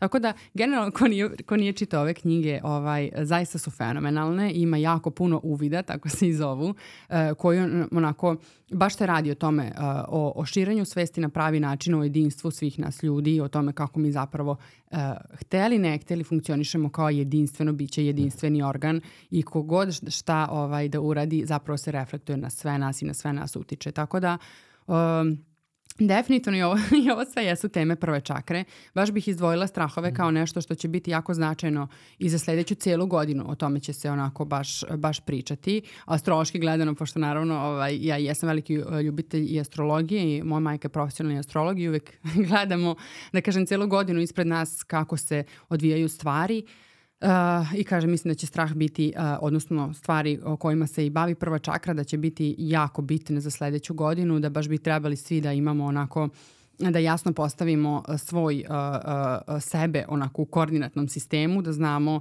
koji su nam prioriteti na dnevnom, na nedeljnom nivou, da znamo kad se odmaramo, treniramo, šta jedemo, kako jedemo, te osnovne, osnovne basic stvari koje tako uh, zapravo kao samo usput radimo, to će nam biti zapravo baza. Jer to je to mhm. uzemljenje koje će nam pomoći da prevaziđemo osnovne naše ljudske strahove da bismo uopšte mogli da funkcionišemo, da bismo uopšte pričali o velikim filozofijama, ovaj, treće oko, vizija nas u budućnosti, o iluzijama, o ne znam, o bukvalno filozofijama. Koja je onda druga čakra? Druga čakra, to je već druga tema. Ovaj, totalno, kažem, svaka, svaka čakra nosi neku svoju poruku, ima energiju koja je, uh, onako baš ima spe, specifičnu frekvencu. Zato i ova uh, kvantna medicina bukvalno nudi uh, terapije na tom nivou. Zato mi možemo, uh, ako pričamo o kvantnoj medicini, otići na uh, bukvalno terapiju, sesiju balansa za prvu čakru, drugu čakru. E, to je, kažem, stvarno već jako opipljivo, jako živo, već jako postoji i kod nas u Srbiji. Znači, ljudi misle da je to, sad to moram da idem na kraj sveta da bih ja se ovim bavio ili da bi postojali ljudi koji bi mi nešto više o tome rekli, čak me i izlečili. Kvantna medicina je jako lepo razvijena u Srbiji i ljudi mogu na različitim aparatima da sebi pomognu sa jako puno vrsta tretmana. Kažem, opet to su tretmani koji su neinvazivni, koji se ne mešaju ni u kakve terapije, uh, koji samo mogu da kažem da dodatno pripomognu uh, terapiji možda klasične medicine, da li su pitanju lekovi, neke druge stvari koje ljudi koriste u terapiji, mogu samo da pomognu. Tako da veliki, veliki ono poziv na, na, da kažem, na lečenje i tim putem. Uh, Uh, druga čakra ste, druga čakra onako ženska čakra i to je ta ženska energija ili buđenje ženske energije u svima nama. Uh, jer svi mi imamo i mušku i žensku energiju ako ćemo već nekako po, da ih polarizujemo na taj način. Ali ova čakra je čakra naranđaste boje i nalazi se ispod, uh, tri prsta ispod pupka. Ovaj, uh, to je onaj osjećaj udobnosti u svom sobstvenom telu, osjećaj udobnosti i zadovoljstva u životu, gde osjećamo da smo lagani, da stvari se kreću lagano, da nam stvari dolaze lagano i od nas idu lagano i jedan totalno drugačiji vibe. Već se kroz samo ovo i oseti neko rasterećenje, neka, kao već da se oseti pozadinska muzika, već osjećaš miris uh, pomoranđe u vazduhu, uh, neke egzotike i upravo to jeste taj shift, potpuno na jedan, jednu novu platformu. Što nekako za mene jeste logično logično, jer ako smo mi ovde na prvoj čakri već prevazišli sve ove stvari, znači stabilni smo, naša baza je stabilna. Pa naravno da ja sad mogu da plešem. Naravno da mogu da zažmurim, da uključim muziku i da intuitivno pomeram svoje ruke, noge, da se pro, potpuno prebacim na intuiciju, da se potpuno prepustim vodstvu života, da, da mogu da prepustim, znači ako imam partnera pa mogu da mu prepustim da, da, da ja plešem kako on zapravo me vodi. Znači, to, taj moment o, pre, o, o lakoći i prepuštanju ne dolazi tako lako kad se ja se u toku dana samo nerviram kako ću sada uspeti da platim svoje račune. O, mislim, nemojte takoj osobi pričati o tome da ona treba da da ode na ovaj, možda neki pole dance ili nešto što bi probudilo njenu žensku seksualnost ili ta, ta osoba prvo mora da reši neke zaista jako bitne stvari u njenom životu. I zato, pa čak i onim ženama koje, kojima zaista fali te ovaj, finoće i te fine, fine energije ovaj, da probude upravo tu ženstvenost u sebi, uh, zaista apelujem da one prvo moraju uh, strukturno da postave temelje koji su jako uh, kvalitetni, koji su dobri. Jer kažem, ne možemo se prepustiti i opustiti kad ako ti nešto stoji nad glavom. Pa čak i ako si gladan, uzmi i pojedi, pa onda kreni u meditaciju u tom smislu. Nemoj da, da zažmuriš 20 minuta kao meditiraš, a zapravo samo čekaš da prođeš da bi se najeo. Mislim, to, to je, ja samo pravim tako paralele, zato što je mnogo lakše, mislim, ljudima da se onda povežu sa tim stvarima. U suštini ovo upravo ta, e, ova čakra jeste zapravo balansirana dobro kod ljudi koji se bave plesom, koji su na nekoj umetnosti, na umetničkom klizanju, na slikanju, zato što imaju taj uh, protok energije uh, ka, kao osjećaj kao spontane energije, kao naprosto da su konektovani na izvor, na Boga, gde mogu samo da kanališu to kroz pokret. Da li je pokret četkicom, da li je kroz pisanje, da li je kroz pevanje na neki način, ali se energija u njima na lagani način pokreće i nije uvek nešto smišljeno, nije taktički, nije onaj, nije neka kon, kon, kon, konstrukcija, neki matematički zadatak, pa je to onako malo više onako muški vibe, nego je potpuno kao iracionalno. Zamisliš kao neku devojku koja je onako isključila mozak i prepustila se plesu. Obukla je haljinu koju je, koju je želela, ne prema prilici, nego ona koja je tad došla onako, u tome bi se osjećala dobro. To je ta devojka koja je uvek, kojoj je jako udobno šta god da nosi, to su cipele koje nisu tu zbog nekog drugog, ovaj, pa su to neke seksi cipele, nego je njoj udobno toj obući, koja god to vila, pa da je ištiklo 12 cm nekim ženama, jako udobno na tome.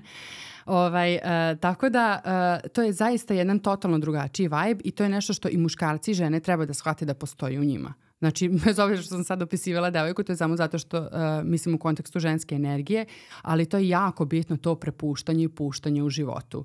Jer, mislim, pogotovo kod muškaraca koji nekada jako su zagriženi za neki ideal ili za neku ideju i oni su u stanju da to guraju onako uh, skoro krvnički do kraja dok se ne ostvari. Da li je to zacrtana suma novca na godišnjem nivou? Da li je to za, zacrtana pozicija u karijeri? Da li je to zacrtano pa čak i u nekim odnosima gde taj odnos neki treba da se završi i čak ono u vremenskoj, onako stavi u, u, u vremenski interval Tako da su onako nekada jako fiksirani za neke ideje, kao, kao da imaju neku listu koju treba da čekiraju, možda do svoje 35. godine i uopšte ne osjećaju potrebu vremena, ne osjećaju potrebu svog organizma, ne osjećaju potrebu svog tela. Šta ti zapravo danas treba da uradiš?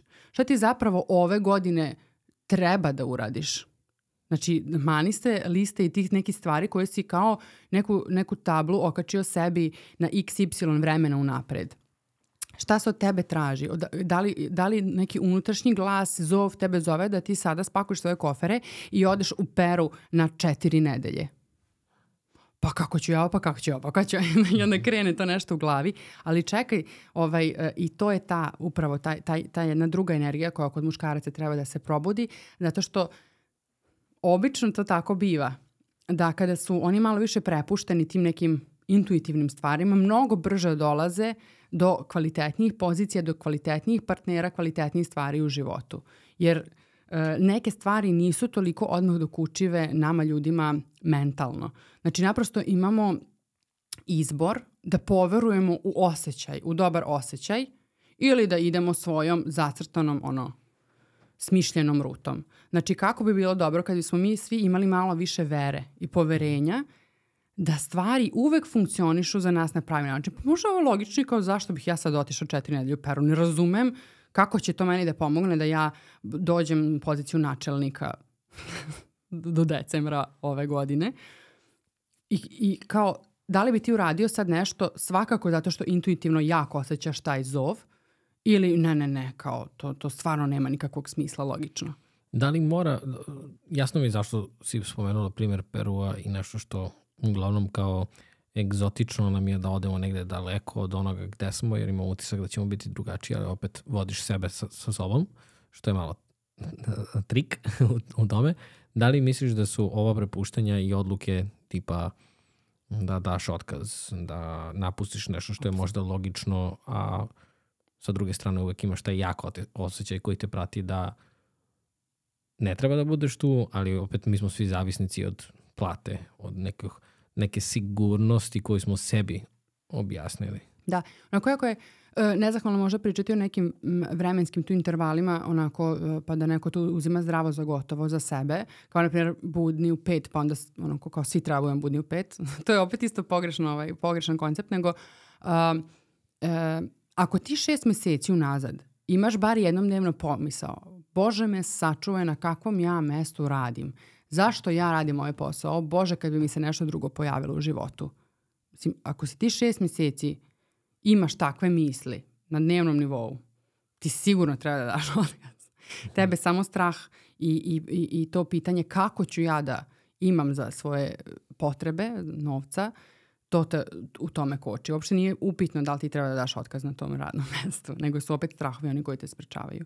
U suštini naravno da ne treba da odeš ne znam nije koliko daleko da bi doživao neku promenu. E, nekada je to dobro odraditi, samo verovatno i iz tog razloga e, da bi se da bi otišao iz ovog kolektivnog nesvesnog. Jel hteo i to i ne hteo. Ljudi sa kojima puno vremena provodiš, e, čak i prostor na kome bor, boraviš kao mi ovde u Srbiji ili generalno na Balkanu. To je određena poruka tog prostora, jer prostor ima svoje poruke. Koji utiče na tebe. I to je toliko jako da je to nestvarno. Bukvalno ono, mislim da su velike, veliki naučnici pričaju o tome i postoji knjige na taj, uh, o tome. Uh, čak i epigenetika govori o tome. Znači prostor u kome si ti kao jedinka snažno utiče na tebe. Znači bukvalno je to razlog zbog koga se određeni proteini, određeni uh, uh, bukvalno uh, molekuli u DNK i dalje replikuju na isti i stari način od kad si se rodio do dana današnjeg nekada je potrebno da ti bukvalno, zato kažem peru, kao odeš negde gde, je kolektivno nesvesno potpuno drugačije. Uopšte ne pričamo o tome da li je bolje ili lošije, nego je samo potpuno drugačije od ovog tvog. Da vidiš ko si ti kad si tamo. Da li su se neke stvari promenile? Da li su se neke stvari otključale? Da li su se ti negde izblokirao, možda zaključao? Da li vidiš da ti je tamo nešto teže, a nešto sasvim drugo i lakše? Znači da upoznaš sebe kada ti nemaš određeni pritisak kolektivnog nesvesnog ovde. Zato su jako bitna putovanja. Nije, nije bez razloga svi ti ljudi koji putuju svetom da su oni kao spoznali neke stvari uvide, da, da su oni naprosto su, oseti se kada je neko išao i putovao svetom. Zato što, kažem, imali su, znači određeni pritisci su se popuštali, možda su se negde na nekim drugim nivoima onako i, i, i čak su rasli, ali se, ali se svakako su se dešavale unutrašnje promene, kažem, koje čak verovatno ni oni sami mentalno nisu ispratili koliko su se one naprosto dešavale iznutra, iz dubine. Ovo, ovo mogu da ti potvrdim kao na, na ličnom primeru, jer ta, kolek, ta poruka mesta u kom si, kada mi odemo u Kaliforniju, koju ja, on, rekao sam ti pre nego što smo krenuli, kao ja čekam da se vratim za stalno u Srbiju, ali ovaj, e, potpuno su mi drugačiji način na koji razmišljam, čak sad prelistam i te neke strahove koje imam tamo i strahove koji ovde postoje, ovaj, su nekako potpuno drugačiji. Moji mm, mm, osjećam da su mi principi možda životni isti, ali i oni kao nekako da pripadaju tom to, toj drugoj teritoriji. Ne znam kako bih ti objasnio, mm -hmm. ali mhm. ovo što si mi rekla mi baš onako, ovaj, i ubacila si malo pre, rekla si do 35. godine imaš neki cilj, kao da, si, kao da sam ti rekao. Znaš, ono, Zna, kao zna muškarce. o, osjećam se na terapiji sada, znaš.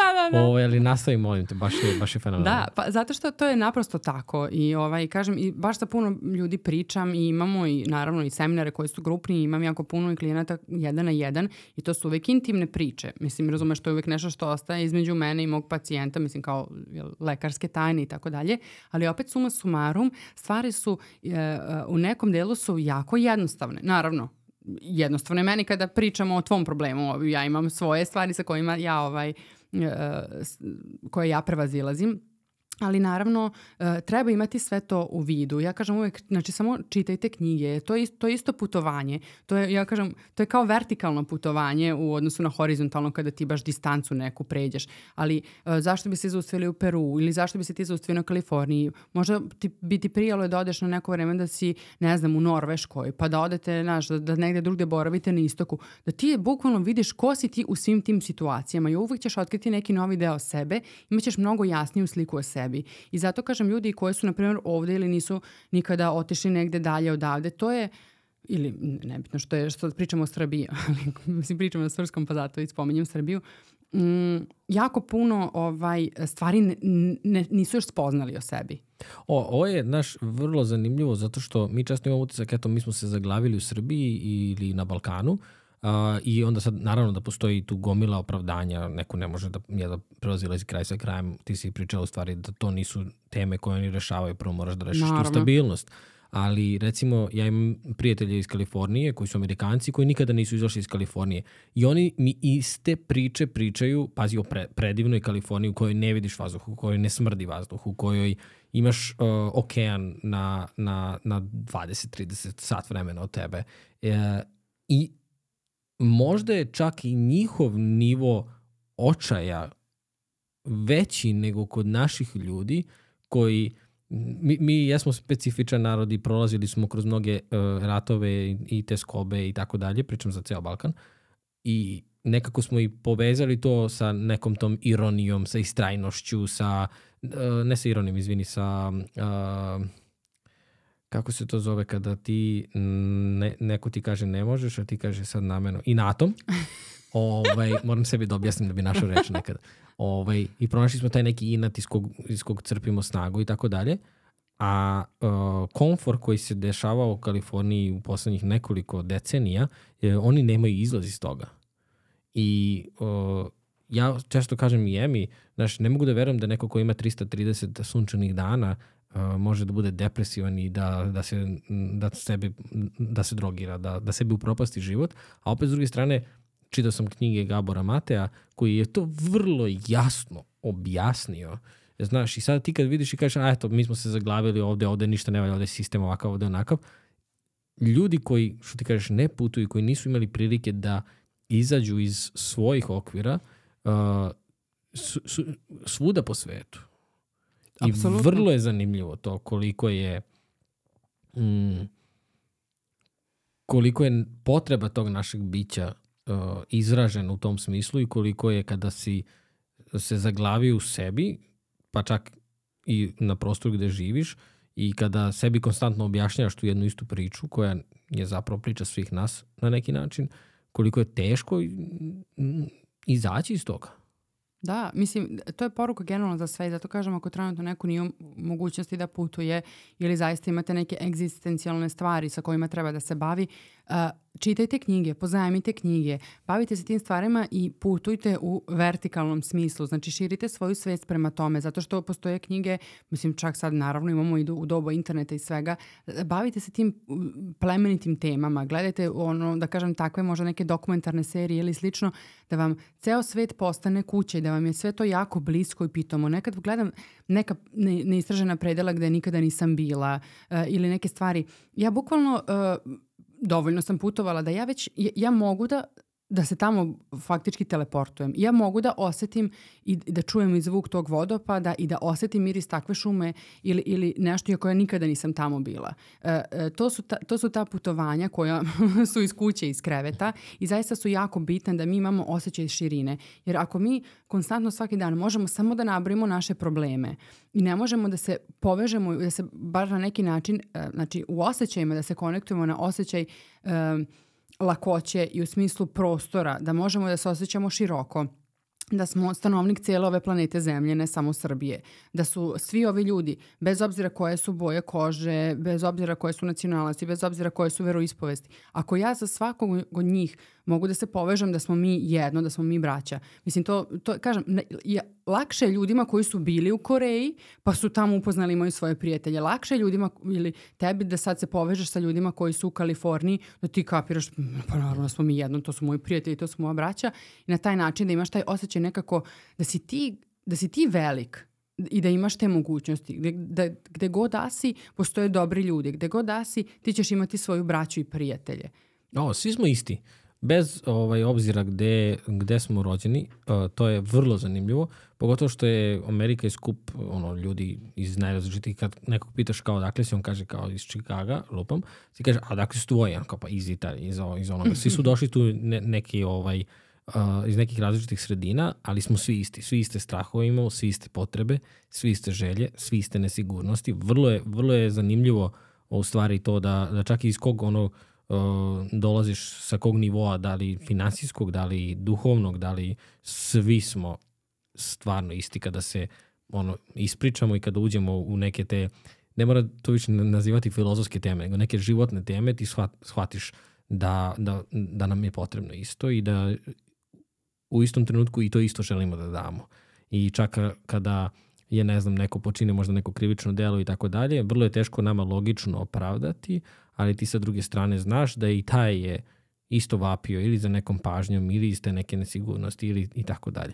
Ali da ne ulazimo sada ovaj, u to, ali stvarno mi, e, slažem se s ovim što si rekla i, i ima mi mnogo, ima mi mnogo smisla kada, ovaj, e, kada pričaš, pogotovo ajde, o, o knjigama, ja, ja stvarno verujem da su knjige fantastičan način da se, ti kažeš, putuješ, svidelo mi se to, ja meni, meni su knjige nekako na, na prilika da se ispričaš sa, sa autorom, ali na, znaš, ti kad sedneš ti prvo zaustaviš svoje misli, te rečenice su izabrane po stotinu puta pre nego što su stavljene i ostavljene tu.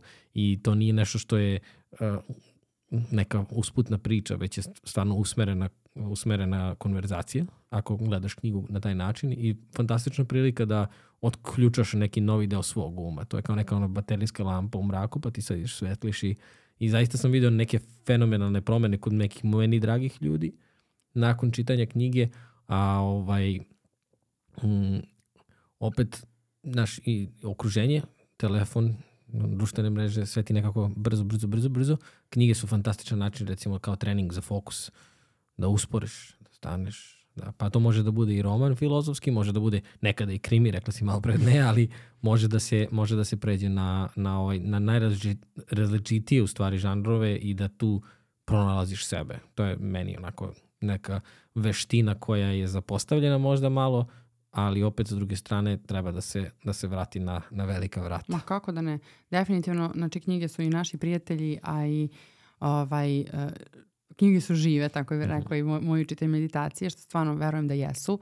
Um, ono što je sad tu bitno je da generalno kroz ceo ovaj put gde se vraćamo sami sebi ili kroz taj neki duhovni razvoj, bilo kakav ono rad na sebi u smislu evolucije, da shvatimo da postoje određene konkretne emocije i osjećaje u našem telu koji nas blokiraju da se mi osjećamo veliko, e, da možemo, da ćemo uspeti, sve te neke super stvari koje generalno gde želimo da, da, da budemo.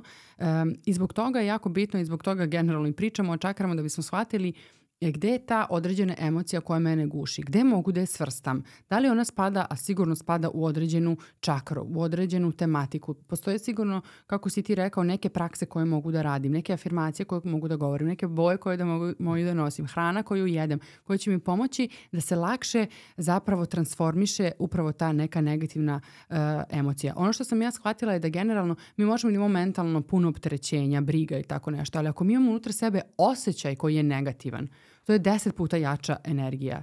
Jer u suštini kada malo bolje razmislimo, ja to povezujem i sa tim magnetom mozga i magnetom srca.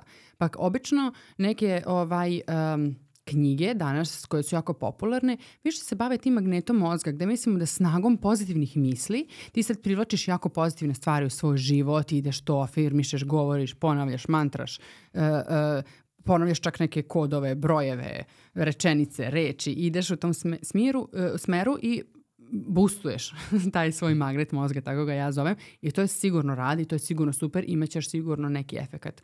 Ono što treba da se probudi u svesti ljudi je da je magnet srca mnogo jači magnet I to je nekoliko stotina puta jači magnet od magneta mozga. Tako da ono što mi osjećamo će uvek da ima jaču, jaču vibraciju od onoga što je nama trenutno na pameti. I mozak je tako, on je jako promenjiv. Ti ako sad misliš da nešto misliš, ti već misliš na nešto drugo. znači, ovaj, to je tako.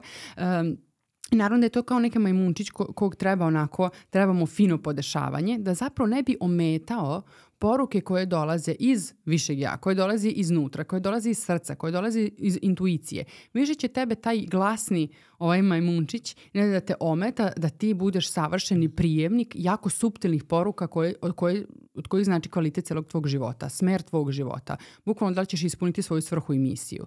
Tako da su to jako bitne stvari um, i negde je poruka možda koju sam ih htjela da prenesem putem ovog podcasta da je srce taj magnet koji treba da ojača u periodu koji je ispred nas. Jer je to taj magnet uh, koji će nam zapravo doneti krajnji rezultat. I zato mislim da je jako bitno pričati o emocijama, jer ako neko prepoznaje da je emocija straha, kao što smo rekli, ja, baš dominantna od svih drugih emocija negativnih kod njega, on na tome treba intenzivno da radi i to da transformiše. Šta znači raditi na emocijama iz ovoga e, što E pa baš ovo što smo rekli malo pre.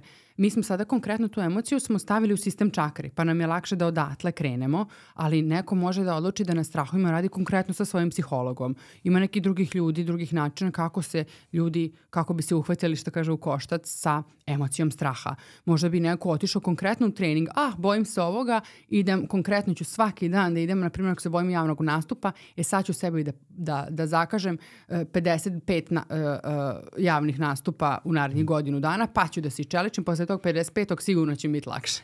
Ljudi na različite načine pobeđuju svoje strahove e, i kažem nek svako naravno e, ide onim putem koji mislim da je za njega ovaj, onako najbolji, e, ali definitivno energetska medicina, vibratorna medicina idu tim laganim, ovaj, laganim prodorom, ali možda direktno one najdublje slojeve.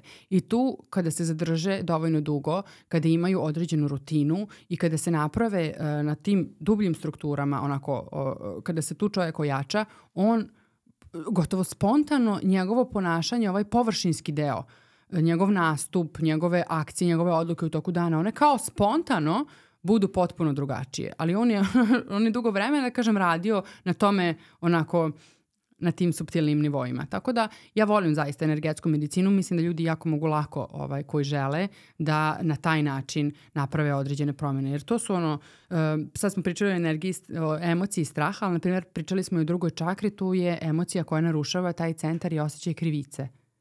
I sad kad uđemo u to, ta krivica zapravo ono, bukvalno para uši kad čuješ. Znaš, obično misli kad neko kaže krivica, to znači da ti nešto jako gadno zabrljao pa se ti osjećaš krivom, ali ne. Neko se osjeća krivim to što je e, ipak danas opet ostavio dete u vrtić i otišao je da snimi podcast a nije otišao, ne, ne, ne igra se sa svojim detetom, dete će brzo da odrasta i otiće svojim putama i, i kreće unutrašnji osjećaj zapravo izjedanje krivice.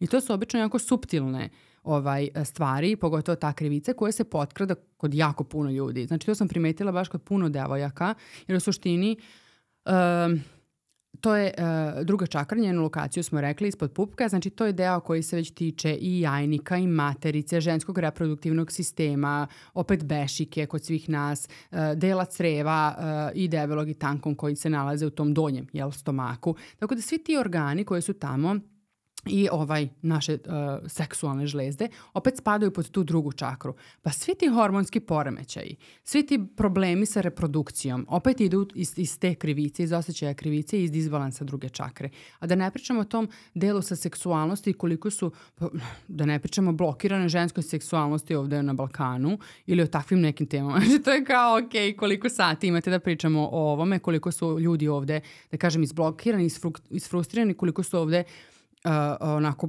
jako vodi računa o nekim stvarima, samo da se ovaj da nemamo taj neki osjećaj i blama i krivice i što ja ovako, što ja onako.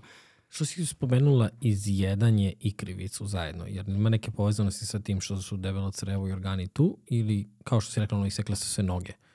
Pa mi često krivicu u stvari kažeš izjedam se iznutra. da, da, da. Uh, u, u suštini, pa da, ovaj, uh, to sam povezala najviše sa tim što zaista kad imamo taj neki problem sa krivicom ili problem sa drugom čakrom, e, ljudi često idu i daju sebi osjećaj zadovoljstva preko hrane. Znači, ti, to emocionalno prejedanje mm -hmm. obično ide iz disbalansa druge čakre. Ima tu i drugih raznih stvari koje naravno možemo da spomenjemo i drugih centara Uh, ako pričamo o čakrama koje bih spomenula u tom emotivnom prejedanju, ali nije tu samo srčana čakra pa iz osjećaja tuge nešto, nego baš iz osjećaja nezadovoljstva. Jer mi u drugoj čakri imamo osjećaj krivice, koji nas u nečemu sputava i s druge strane krivice je osjećaj zadovoljstva.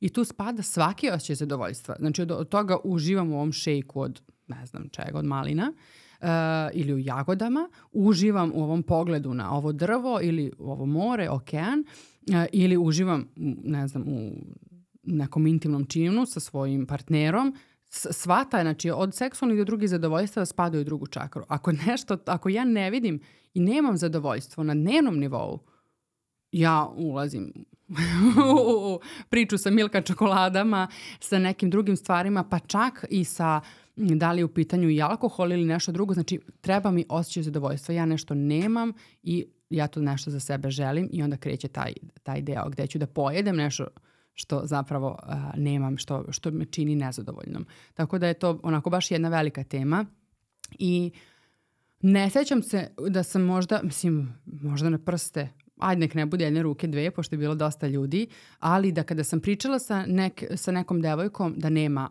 ne, nešto da kaže na ovu temu, da nema neki problem u, u predelu druge čakre. Koliko je sve povezano, čoveče. Da. Koja je treća čakra?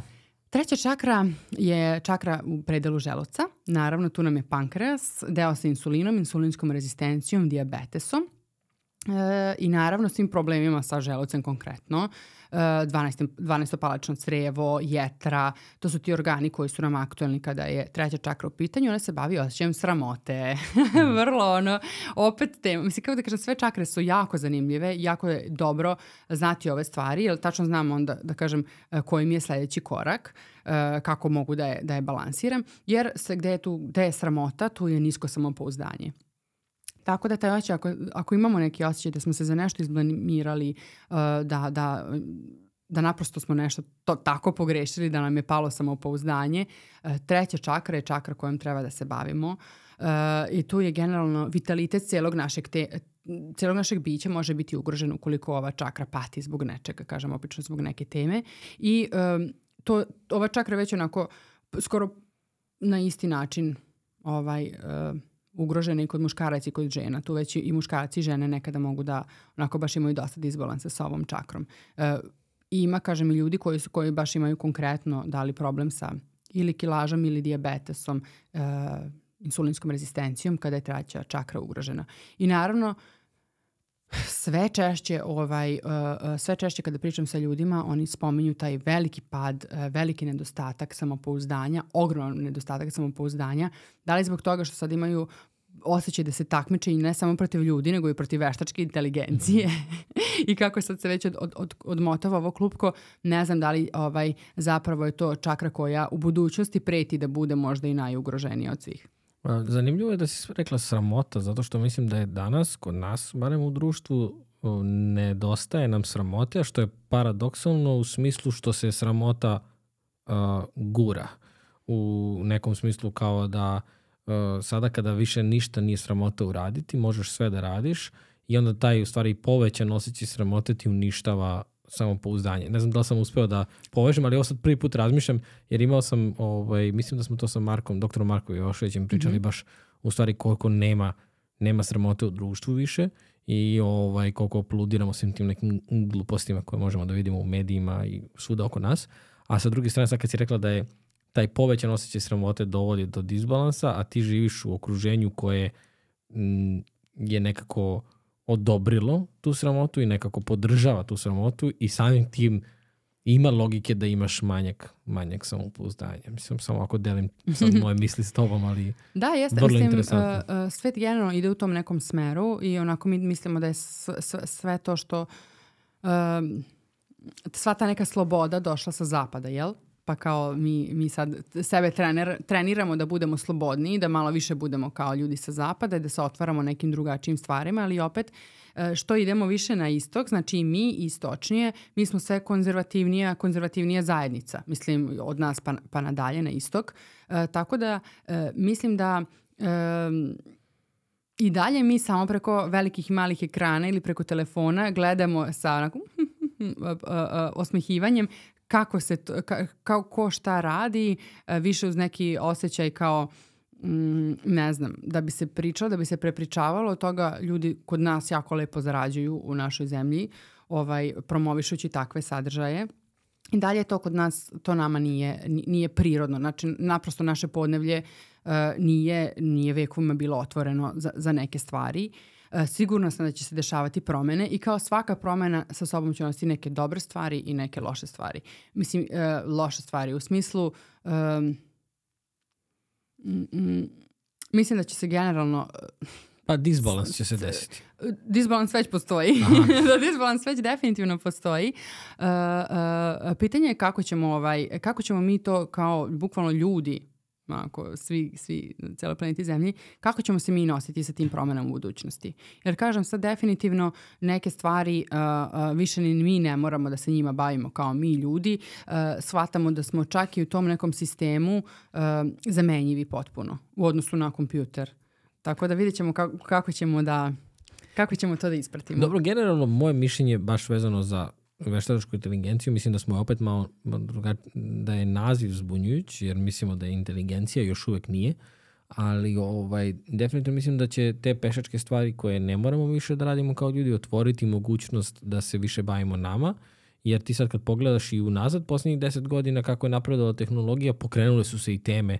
O, o ome nisi mogla da čuješ na mm, TV-u pre 25 godina, 30, jer su ljudi radili sve te pešačke poslove koje danas ne postoje više, ali opet sa ti izgubiš tri posla, ali se pojavi pet novih i ovaj, samim tim ja nisam još uvek uplašen, ne mislim da ovaj, mm, kako da kažem, mislim da ta kreativnost će doći opet do, do, do značaja. Jeste sada možeš da ukucaš, da ti napiše celu knjigu veštačka inteligencija za, za tri minuta, ali da, to znači da će moja knjiga koju napišem kao čovjek biti deset puta skuplja nego, nego ova koju veštačka inteligencija, a pre veštačke inteligencije nisam mogao da je naplatim toliko.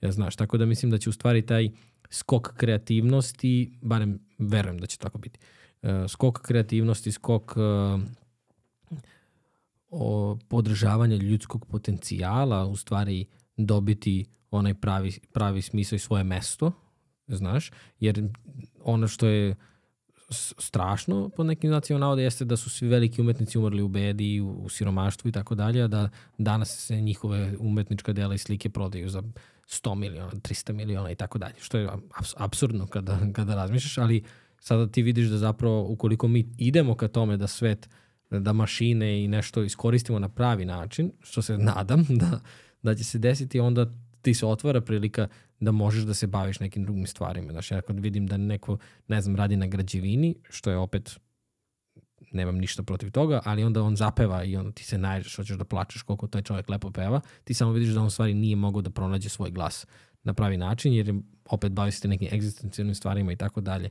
I to, su, to nisu samo moje ideje, ja sam to slušao Naval, ne znam da li znaš za njega, ovaj, on, on to u stvari priča kako u stvari možemo da te, ako uradimo prave stvari na pravi način, doći ćemo do tog nekog društva koje će vrednovati mnogo više potencijal, kreativno razmišljanje, talente i sve ostalo, a da će egzistencija biti ovaj, zadovoljena. Da, to, to je super i baš evo, opet, opet, opet ću da spomenem 11. uvid. Jako lepo priča o novim tehnologijama, koliko one treba nama da služe, da bismo mi imali baš tako i više vremena da se bavimo, ali čime da se bavimo? Da se bavimo svojim duhovnim razvojem. Znači ćemo da shvatimo konačno u budućnosti koliko smo mi jedna duhovna bića i spiritualna bića, koliko nam je to važno da bismo mi imali osjećaj izobilja.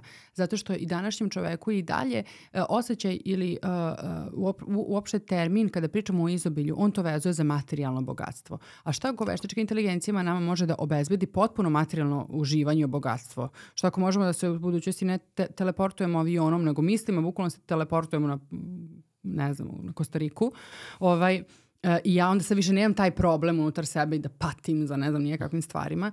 E, kada ćemo imati dovoljno sredstava da se bavimo samo sobom. Pa i, i lični razvoj u Americi zovu luksuz uh, belog čoveka u smislu srednje neke klase i tako dalje, zato što kao ti kada pre, ono, sastavljaš kraj sa krajem, ti se ne baviš time o čemu razmišljaš o zdravlju i tako dalje, a opet sa druge strane danas ljudi koji su onako u proseku, da kažeš, prosečno žive, prosečno zarađuju, žive on sto puta bolje nego neki kraljevi pre 200 godina. I samim tim ta, ta razlika zamisli za 200 godina, kada se taj standard podigne na neki veći nivo, ukoliko ne uprskamo, opet moram to da, da se ogradim, ovaj, ovi filmovi i serije nove i knjige uh, filozofske na temu veštačke inteligencije nisu baš naj, ovaj, najpozitivnije što se tiče našeg kraja, ovaj, ali ajde da kažemo da će se, da će se sve desiti kako treba. Ovaj, mislim da u stvari mm, mi sada imamo dosta vremena. Ti sad kad pogledaš, ako provedeš uh, na poslu 8 sati, sa porodicom imaš onda 8 sati spavanja, ostati 8 sati, ali ti ako si od toga proveo 7 sati na telefonu, na društvenim mrežama i ako izbegavaš tu dosadu, ti zapravo nije problem vreme, problem je prisutnost koju danas ovaj mm, izbegavamo po cenu ovaj tog nekog zadovoljstva mm, trenutnog koji smo opet upleteni u tu neku mrežu. Ja sam, znači ne pričam sad kao ljudi baš ste se zeznuli, ja sam super, ne. Ali uh, primećujem sve više i sve više me opterećuje i mislim da je taj osjećaj trpljenja koji imam baš vezano za, za društvene mreže i za, i za telefon uh, me u stvari uh, sve više više svrbi. Znaš, i znam da u stvari treba da, da izađem iz toga. Nije lako, znaš.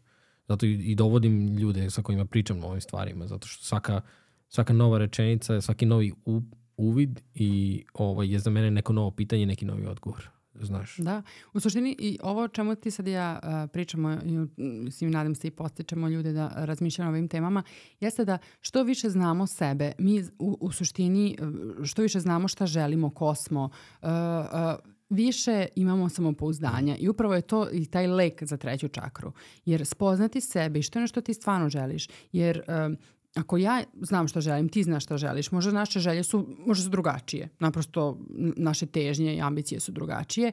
Ne znači da ti ja isto treba da ustajemo u pet, ne znači da treba da imamo, da imamo isto radno mesto, ne znači da treba da imamo uh, isti raspored stvari u toku dana, da spavamo isto ili razumeš, znači naprosto se tvoji moji životi mogu jako razlikovati i onda razumeš nema ni smisla zagledati u tuđi tanjir, eto kako je Ivan uspešan, verovatno bih ja trebala isto tako da se ponašam ponašam da bih isto bila uspešna kao on, ali hej čekaj tebe, njega to vodi u ovom pravcu i to željenom pravcu, ali tebe ako želiš da ideš u tom pravcu, uopšte to neće voditi u tom pravcu. Kad bi ljudi shvatili koliko, uh, spo, koliko uspoznaju sebe, uh, koliko će od toga da profitiraju, koliko će njihovo samopouzdanje narasti, da onda neće imati blam da izađu i da kažu nešto, da, da, da je zapravo to samopouzdanje koje će izlečiti njihov javni nastup. E, znači može da te snimi 66 kamera i na, na televiziji ili tako nešto, ako ti znaš da ono što ti pričaš je tvoja istina.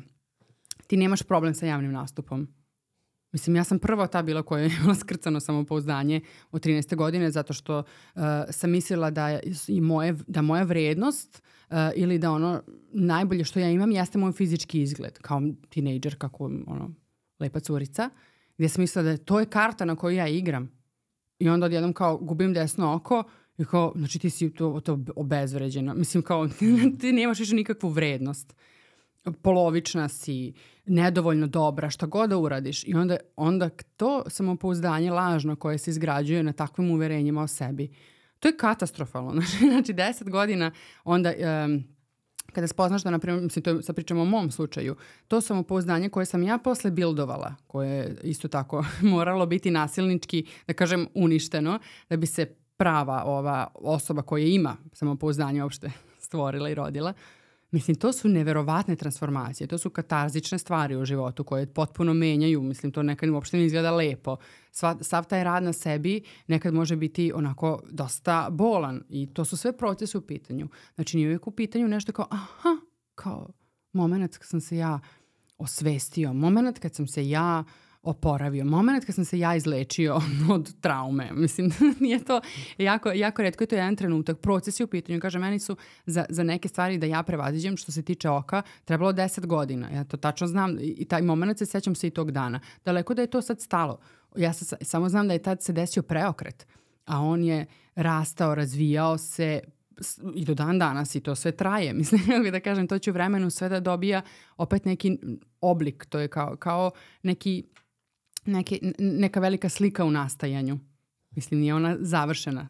Mislim, s, s, svi naši životi jesu tako kao, mi svi jesmo, jesmo neki umetnici koji slikaju sliku koja, koja ti do kraja ne znaš kako će izgledati. I ako zamislimo neko platno, da li će ono celo biti oslikano onako kako smo mi zamislili? Da li će naš projekat i plan, da li će to do pola biti oslikano i onda će neko sa strane da kaže, eto, ona je živela, ona je to i to uspela, ona je to uradila, ona je to ostavila za sebe. Znači, to su sve fenomenalne stvari, ali zaista kažem to iskreno i vrhunsko samopouzdanje koje ovaj, može u nama i treba da nastane, dolazi iz poznaje sebe, dolazi iz rada na sebi, dolazi iz te potpuno usidrenosti, utemljenosti i pomirenosti s tim ko si ti, šta si ti, šta ti želiš. Mislim, to su kao jednostavne stvari, ali zaista ovaj, malo, malo ljudi se osjeća udobno u svom telu i sa sobom, takvim, sa svim svojim manama i svim svojim vrlinama. O da, sad kad si rekla ovo, da se ne osjećamo udobno u telu, kako je onako tačno u metu. Ovaj, to je bila treća čakra, tako? Četvrta je?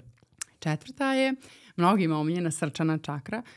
Verovatno se ove čakre i najviše i priča, jer negde srce nam je svima naravno jako bitno. E, svi je negde mnogo povezuju sa tim emocionalnim uh, ovaj, um, tegobama u smislu tuge i patnje I, i zaista jeste tako. Sve te emocije tuge, žalosti, neisplakani suza i jesu emocije koje će narušiti ovu čakru. Pa tako ako je neko nekoga izgubio na bilo koji način, um, ako je preživeo neke bolne stvari, raskide, odlaske, uh, to je sve nešto što onako može baš da zatrpava ovu čakru uh, i time jako narušava apsolutno, na primer, naš imunitet to je ova, ova paralela sa, sa zapadnom medicinom, narušava se imunitet uh, i muškarci i žene mogu da imaju problem sa plućima, može da se desi problem konkretno sa srcem ili sa grudima, uh, tako da sve što se dešava na tom uh, nivou, znači na nivou srca, definitivno je ukazuje da postoji disbalans u srčanoj čakri. Kažem, od preskakanja srca do problem sa plućima,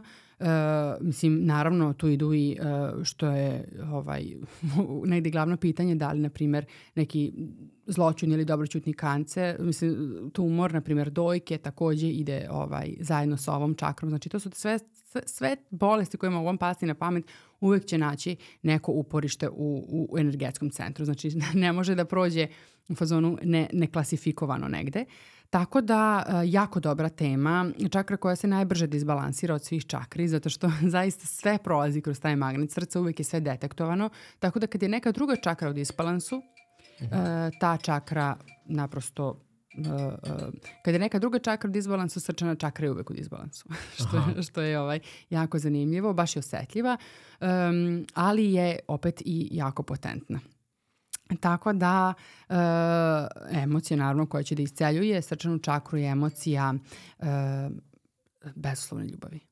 I to je onako, to je kao neka filmska reč, reč ili ono, dve reči, ali bezuslovna ljubav, šta bi to trebalo da znači? Ali to je taj osjećaj kada mi možemo to i da primamo uh, na sebe i da odašiljamo i da dajemo. Znači to je bezuslovna ljubav gde ti sad da napravim, mislim da, da, da neki primer dam koji će biti kao, to je kada, znaš ono kao, na primjer voliš nekoga i sad ti patiš što nisi s nekom osobom. I ovaj, uopšte, uh, kako da kažem, to je s druge strane, uh, uh, uh, um, kada neko bezoslovno voliš, ti ne, ne patiš za nekom osobom iako ti nisi s njom, na primjer, u odnosu. Ti voliš njega bez uslova, bez obzira da ste vi zajedno, da li ta osoba živa ili više nije živa. Postoji ta jedna čista emocija koja postoji vezano, vezano za tu osobu. Najviše bezoslovne ljubavi možemo da pričamo ako pričamo o našoj deci ili o roditeljima i onda ti je kao potpuno jasno šta znači bezoslovna ljubav. Ali Kako možemo da pričamo o bezoslovnoj ljubavi uh, ako pričamo u odnosu na partnera ili u odnosu na druge ljude? Ili odnosu na svoje prijatelje. Da li tada možemo da, os, da, da probudimo taj moment bezoslovne ljubavi? gde ti ako te prijatelj, na primjer, povredio za nešto, možda ti ne moraš s njim više da budeš u komunikaciji, u odnosu, bilo kakvo, možda se neko povirenje, ovaj, da kažem, tu izgubilo. Ali osjećaj ljubavi, bezuslovne, je kao kada imaš osjećaj i znaš da postoji to nešto sveto u njemu, postoji to nešto božansko u svakom čoveku e, što je vredno i što definitivno voliš, čime potpuno možeš da se povežeš s tom osobom, jer postoji. U kojoj god osobi postoji ta svetla ovaj, božanska iskra koje zapravo ovaj, sa kojom možeš da se povežeš i to je to kruži. Onda naša dva srčana centra kruže i osjećaju i odašilju bezuslovnu ljubav kao prema čoveku ili kao prema ne znam, božanskom biću, što jeste. Da li misliš da uh, za bezuslovnu ljubav uh, moramo nešto da naučimo ili moramo da zaboravimo sve ovo s čime smo zbunili sebe? to je baš dobro pitanje. Uh, za bezuslovnu ljubav ja mislim da moramo da budemo otvoreni za sve i da, i da potpuno izgubimo uh, tu naviku etiketiranja stvari na dobre i na loše. Pa to radimo i s ljudima i sa stvarima i sa događajima gde si ti omrzao si neki grad zato što se tamo nešto desilo ili neke te stvari. Ovaj, naprosto taj deo potpuno ovaj, um, negde izbrisati sve te, sve te ovaj, to, pa to jesu polariteti u suštini, opet se vraćamo na, na, onu, na onu e, temu sa početka. Naprosto da, se, da si toliko otvoren da znaš da si s kim god da si u odnosu, ti si uvek u odnosu sa božanskim. S čim god da se, e, s kojim god problemom da se suočavaš, da je to opet došlo iz božanskog i da to uvek radi samo za tebe. I kad si ti konstantno u tom, si neko će reći tripu, neko će reći u zanosu, neko ako si ti konstantno u toj filozofiji, ako si ti u tom spiritualnom, u tom, toj vinkli, uh, svet i iskustvo života za tebe izgleda sasvim drugačije. Zato što sve što tebi dolazi radi samo za tebe. Sve što tebi dolazi tebe samo pomera na gore. Tebe približava e, tebe više budi osjećaj jedinstva, e, e, tebe gura ka tvojoj svrsi, ti ispunjavaš svoju misiju i onda ti, ti potpuno već izgubiš taj moment ekitiranja dobro, loše, dobro, loše, dobar, loš, zao. mislim, to, to je već druga skroz priča. To, ja mislim, ovo što si rekao, da zapravo i predstavlja onu osnovu rada na sebi, u smislu da, kao što si u nekom trenutku spomenulo, da smo mi neka, da je naš život slika koju bojimo i koju stalno treba da, da oslikavamo i da stalno ovaj, oživljavamo na neki način, da na njoj radimo. E, to je za mene rad na sebi. Znaš, danas je rad na sebi prebačen i u produktivnost i u da ostvariš što više, da postigneš što više, da ostvariš te ciljeve, da ne znam ni ja šta, neka priznanja dobiješ, šta god to bilo. Ali ovaj, mislim da je ta osnova, zato je meni recimo knjiga uh, četiri sporazuma, naj, najomiljenije knjige. Ja sam nju čitam jednom godišnje, ako ne i više puta, jer je dobar podsjetnik da zapravo budeš u istini sa sobom, da druge ljude posmatraš na taj način i tako dalje, sve, sve ono što priča tamo. Međutim, uh, ovo sa što si rekla o stanje zahteva zaista rad. Ovo nije nešto što ćeš sada da čuješ kao informaciju sad si to primeni do, do kraja života tako. Mislim da zahteva jedno, ovaj, jednu posvećenost, jedan stil života kom, na koji moraš da obratiš pažnju. Ne, ne, nisam siguran da je uh, pogotovo u, u okruženju u kom smo, pričali smo o tome, rekli si da to čak utiče i na našu epigenetiku, ovaj, odnosno na genetiku, da epigenetika priča o tome, ali mislim da je jako važno da sebi odredimo neke podsjetnike upravo za sve ovo što si Da, što to treba rekla. dati jasnu namjeru da, i, i treba dati pažnju takvoj vrsti života. Znači ti to hraniš kod sebe. Nije da tebi to spontano dolazi zato što više će ove neke, po znacima navode, negativnije stvari, problematičnije da budu glasnije od, od ovoga e, i zato je tebi potrebni su i podsjecaj, da li su to na, da li to vision board, da li su to neke druge stvari koje tebe konstantno podsjećaju ko si ti ka čemu težiš, šta, šta je ono što ti želiš da hraniš u životu. Ali to je sasvim, mislim, to je toliko fenomenalno. Ali i ovo kako si malo pre pitanje, ipak onda znači da tebi više treba da se ti um, odučiš od nekih stvari koje si ti, znači lakše je ovo uh, primeniti, lakše dete ovo primeni nego ti i ja. Razumeš? Zato što on još nema te razne konstrukcije koje smo mi odrasli ljudi stvorili u glavi. Tako da e, više ti treba da se odučiš od nekih navika, ovaj, da se udaljiš od određenih obrazaca koje radiš i ponavljaš već godinama, da bi se zapravo vrat, vratio ono bezbrižno dečije gde ti zapravo i, i, i ne, nemaš taj koncept o neprijatelju, nemaš koncept o tome ni da zašto ako ja gurnem prstu struju kao šta, šta će se loše desiti, ne razumem. Tako da su to opet neke stvari gde, gde nam je bitnije da mi od da mi skinemo etiketu, da se mi odučimo od tih nekih stvari, zato što su naša neka iskustva, koje, koja su neka od njih bila bolna, uh, nama rekla, no, no, ako kreneš opet tim putem, znaš kako će se to završiti.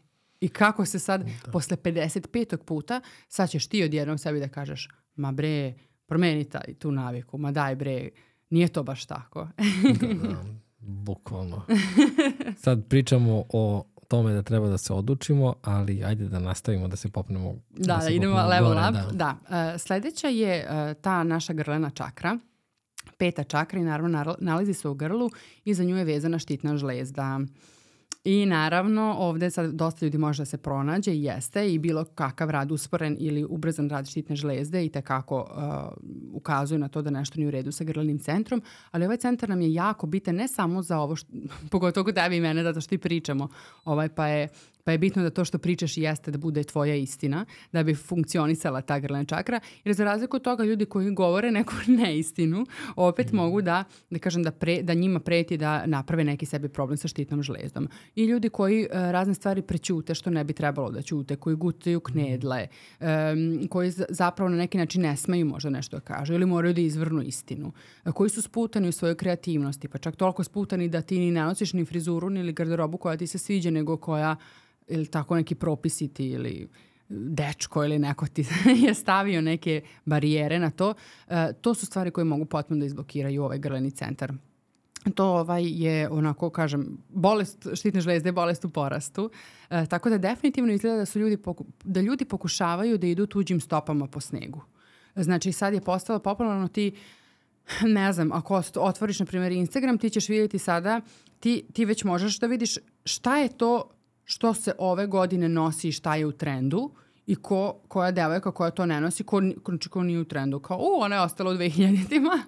ili ima ili kao, uhu, ona je čudakinja, ona je sigurno u nekoj, možda u nekom pokretu, ona je ovako, onako. Znači, ukoliko ti nisi u toj o, u fazonu, ukoliko ti nisi ispratio te neke trendove koje su, koje su sada, ili tako, aktuelni, ti tu već s tobom kao ti si drugačiji ili ta, tako neke stvari. U suštini štitna žlezna to ne podržava.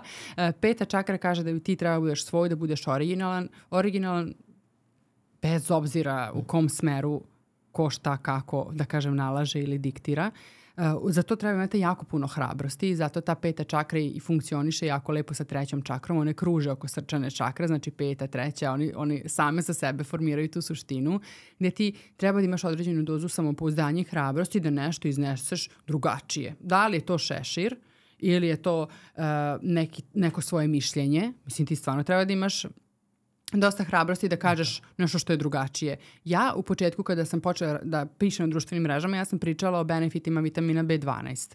A onda sam počela da pričam o šambali i o čakrama.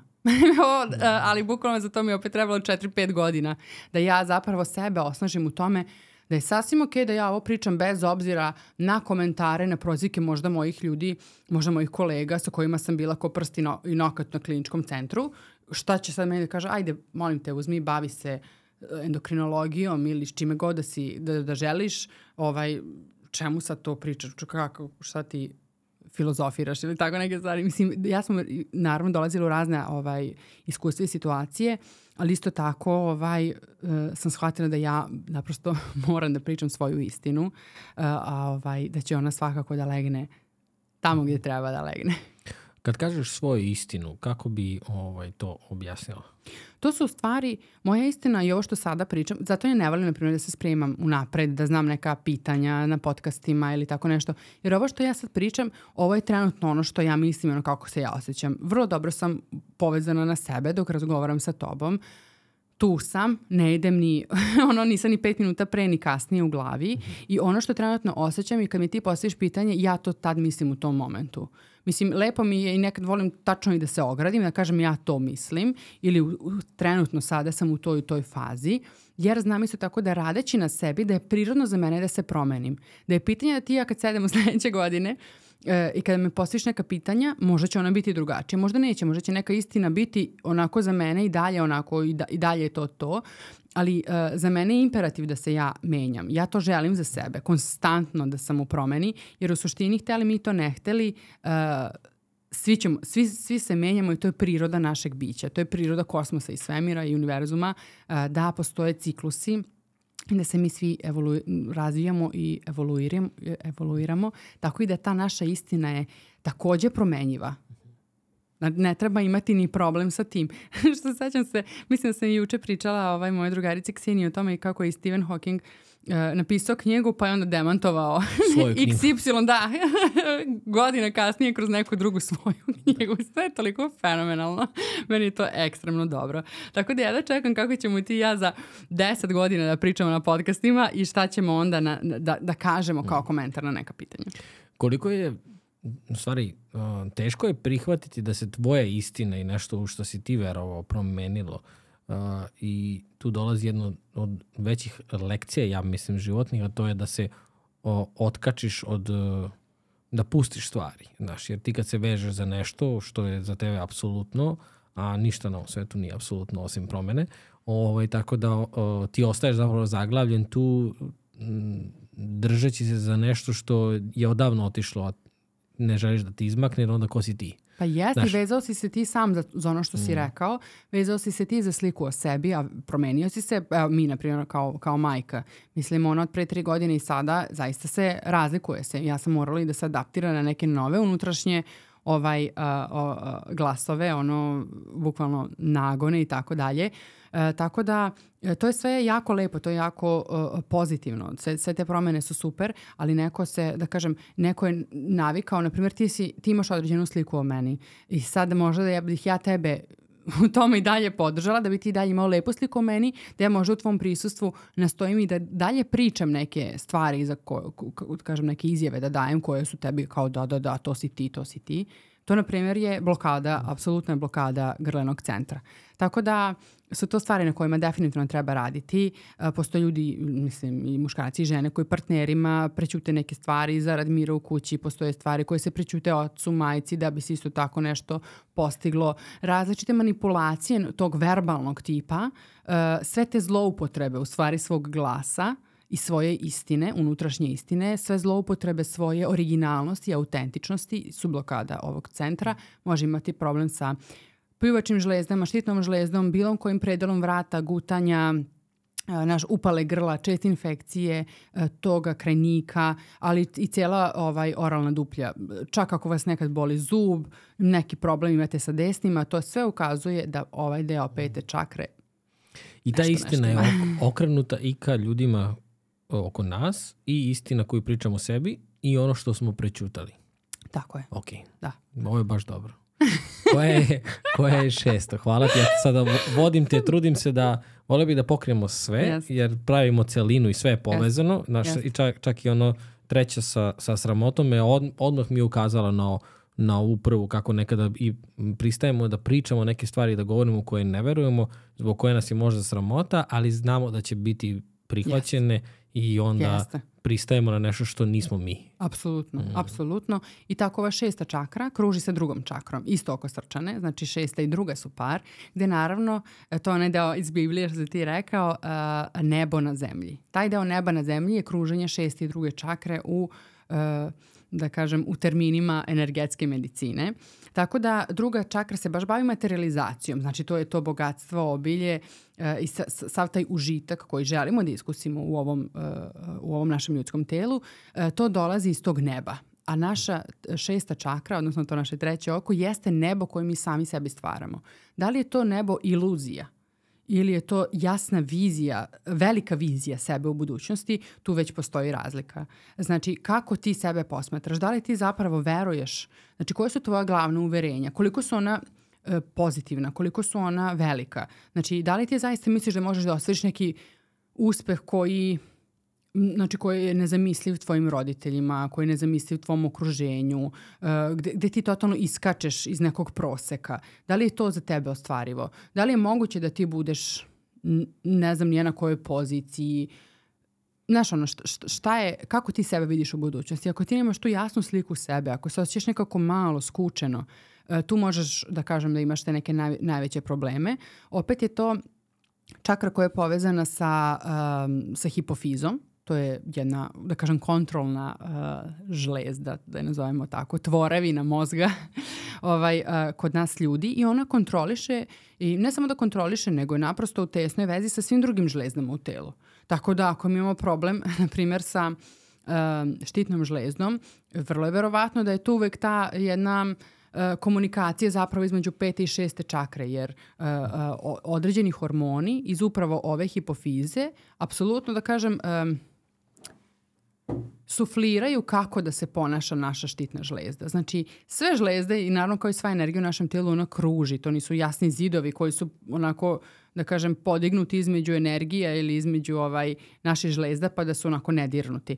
Nego ovaj, uh, zaista je jako bitno da imamo tu uh, jasnu sliku sebe uh, u budućnosti i da uh, iz ose, kako da kažem, da, da, da ne hranimo neke svoje iluzije o, o sebi, o svetu, samo iz tog razloga da bismo se mi trenutno osjećali dobro.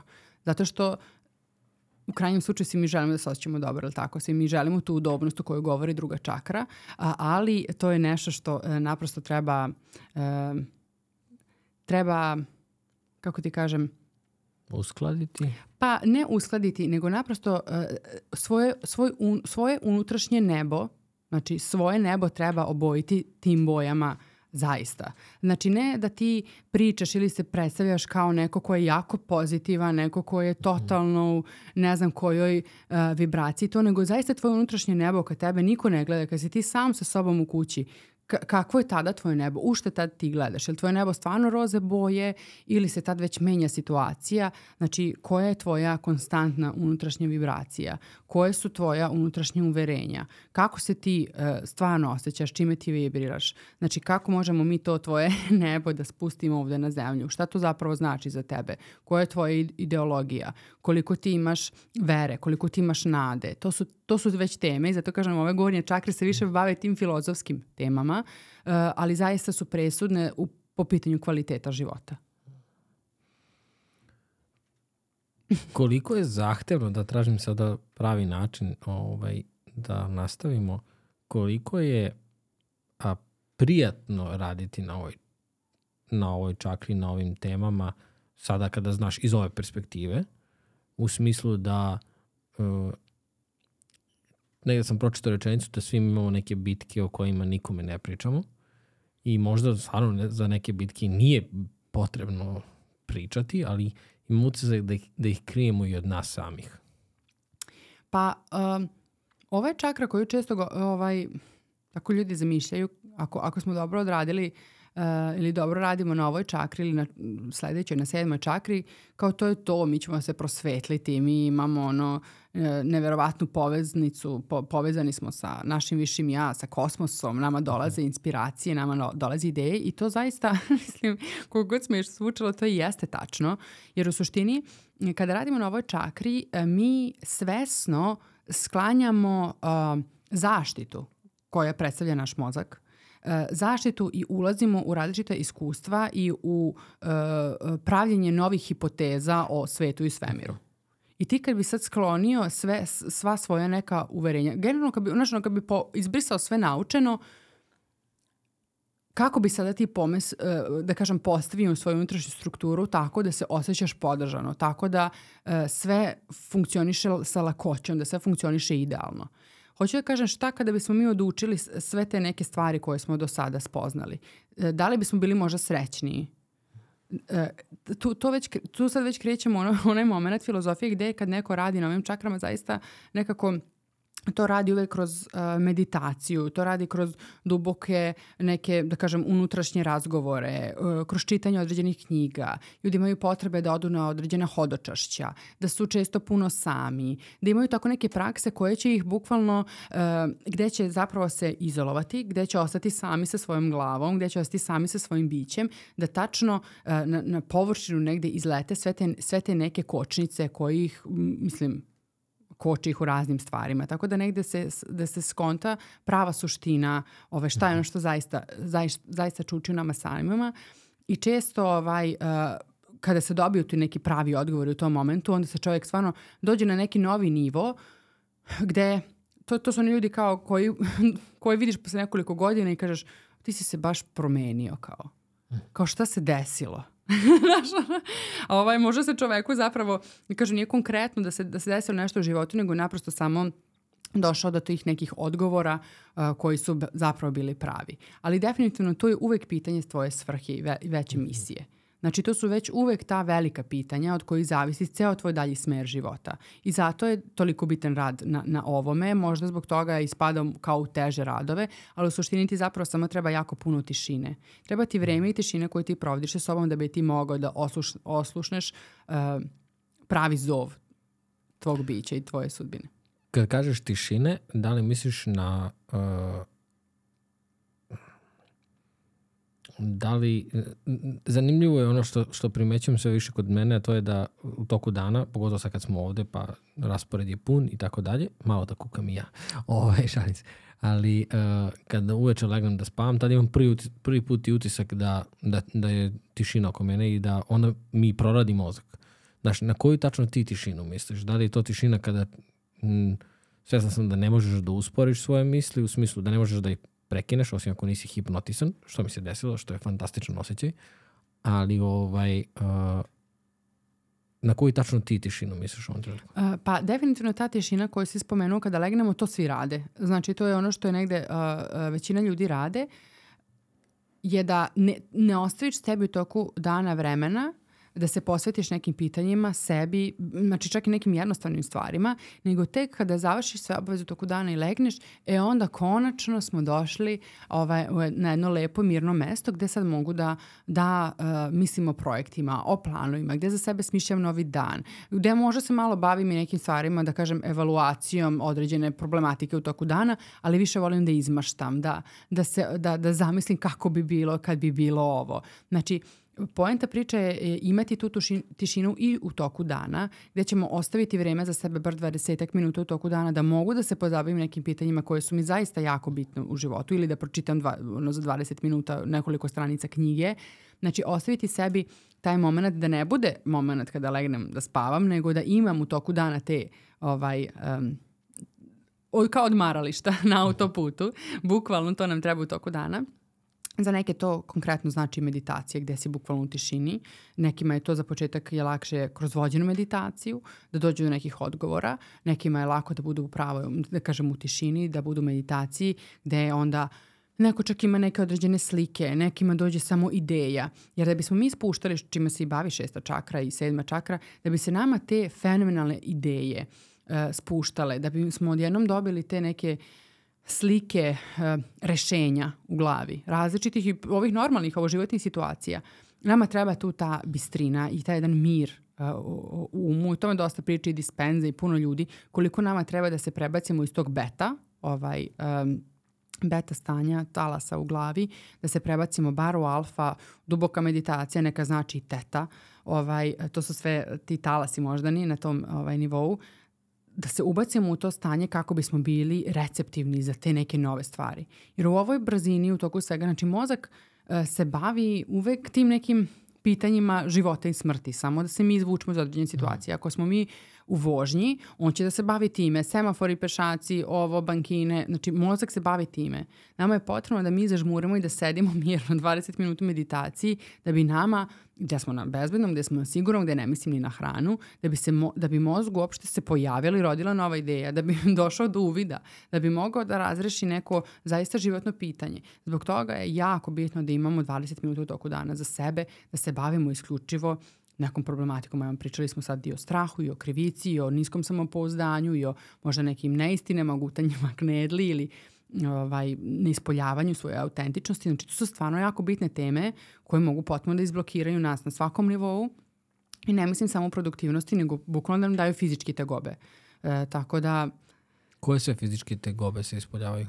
E, mislim, da. glavobolje... Na glavobolje, misliš... najrazličitiji glavobolje, probleme sa očima, problemi sa vidom, a, apsolutno ukazuju na, na neki problem sa ovom čakrom i da kažem, svi ti hormoni, sad njih ovaj, dosta, uh mhm. -huh. ovaj, dosta su i nepoznati, osim možda TSH koji, koji svi mogu da prepoznali, to je isto hormon a, ove žlezde. A, e, razni hormoni tu isto mogu da budu, da kažemo, u disbalansu ili neke čak neurotransmiteri. Tako da dosta ti stvari koje su, obično te neke nervne bolesti a, spadaju u ovu grupu. Jel pričamo i o sedmoj? I o sedmoj, mislim, uh, sedma kruži sa prvom čakrom i isto se bavi strahovima. To su strahovi, ne, to su next level strahovi koji neki mogu da izovu i paranormalni strahovi, ali svakako uključuje i priču o, o zdravim granicama. Jer negde sa prvom i sedmom čakrom koja je tu na poklopcu naše glave, na mestu gde je kruna, je li tako, uh, mi to dobijemo jedan zaokruženi sistem sa strahovima i sa ograničenjima. Znači, od tog momenta dokle se ja osjećam sigurno i bezbedno, uh, u, u konkretnom smislu, do toga koliko sad uh, ja tebe puštam u, u svoj sistem i koliko te držim na distanci. Da li su naše uh, granice ok između tebe i mene, dokle te puštam da me, ne znam, možda povređuješ ili da ovaj, negde zalaziš u, što kažu, u moj prostor. Uh, tako da je to jako bitno pitanje.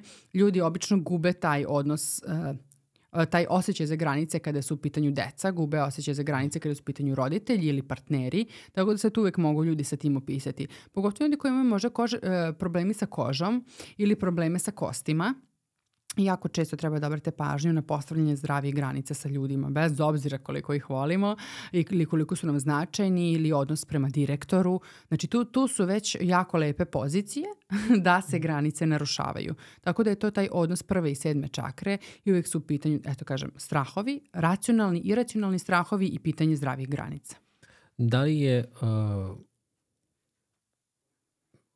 da li je naruševanje tih granica čak i kada mi ne poštujemo tuđe, da li onda mi na taj način isto opterećujemo tu, tu našu energiju? U, uh mhm. -huh. Uvek čakre e, funkcionišu u, u tom smislu. Uvek imaš ono, ono što je od tebe i što ide prema tebi. Obostrano. Znači uvek je obostrano. Tako da čak i neke stvari, da kažem, eto, koje mi primamo na sebe ovaj, ili odašljamo od sebe, uvek su to priče koje su, koje su nam bitne i koje mogu ukazati da ta, ta čakra ne funkcioniše baš najbolje. Hmm. Vrlo zanimljivo. Ajde za sam kraj da ovaj, spom, prošli smo kroz cijel taj uh, deo od prve do sedme, uh, neke uh, rutine koje bi možda mogle biti generalizovane za neko koje sad sve ovo sluša i koje se pita, ok, šta sad? Da, da mo, slobodno ponovi neke stvari koje si već, već, već spomenula, ali samo da, da nekako napravimo tu jednu uh, ovaj, e, strukturu, šta sad? Da, šta sad? E, ja kažem uvek volim da krenemo od prve čakre. E, na čakru možete raditi tako što ćete ući u neke rutine po mesec dana, znači svaka čakra po mesec dana, na primjer, neko ko zna da ima jak problem, na primjer sad sa strahovima ili sa krivicom, ući će može godinu dana da radi na toj čakri ili može svaki dan da pređe po neku rutinu za svaku čakru, odnosno da pokrene ceo taj svoj sistem ovaj, energije. Jako bitno da ovaj, imamo tu nameru da energija kruži i da se mi mhm. osjećamo uh, lagodno po svim ovim pitanjima. Tako da za prvu čakru definitivno zdrava hrana, teretana, disciplina, odmor, spavanje kvalitetno. Znači ona je klasična, klasična klasična lifestyle priča otprilike, ono što mi, što, što današnji čovjek podrazumeva pod zdravim životnim stilom. Znači da je, da je taj obrok zaista kvalitetan, da je san zaista kvalitetan, da je to um, fizička aktivnost koja je zaista kvalitetna i tako dalje. Znači ono gde mi fizički osjećamo smo mi stabilni, sigurni da je naše tijelo jako i da sada krene šta god da krene, ja ću to da izdržim. Ako treba da hodem na rukama, mogu da, da, da hodem i na rukama, ali mogu i na nogama. Tako da je to taj deo.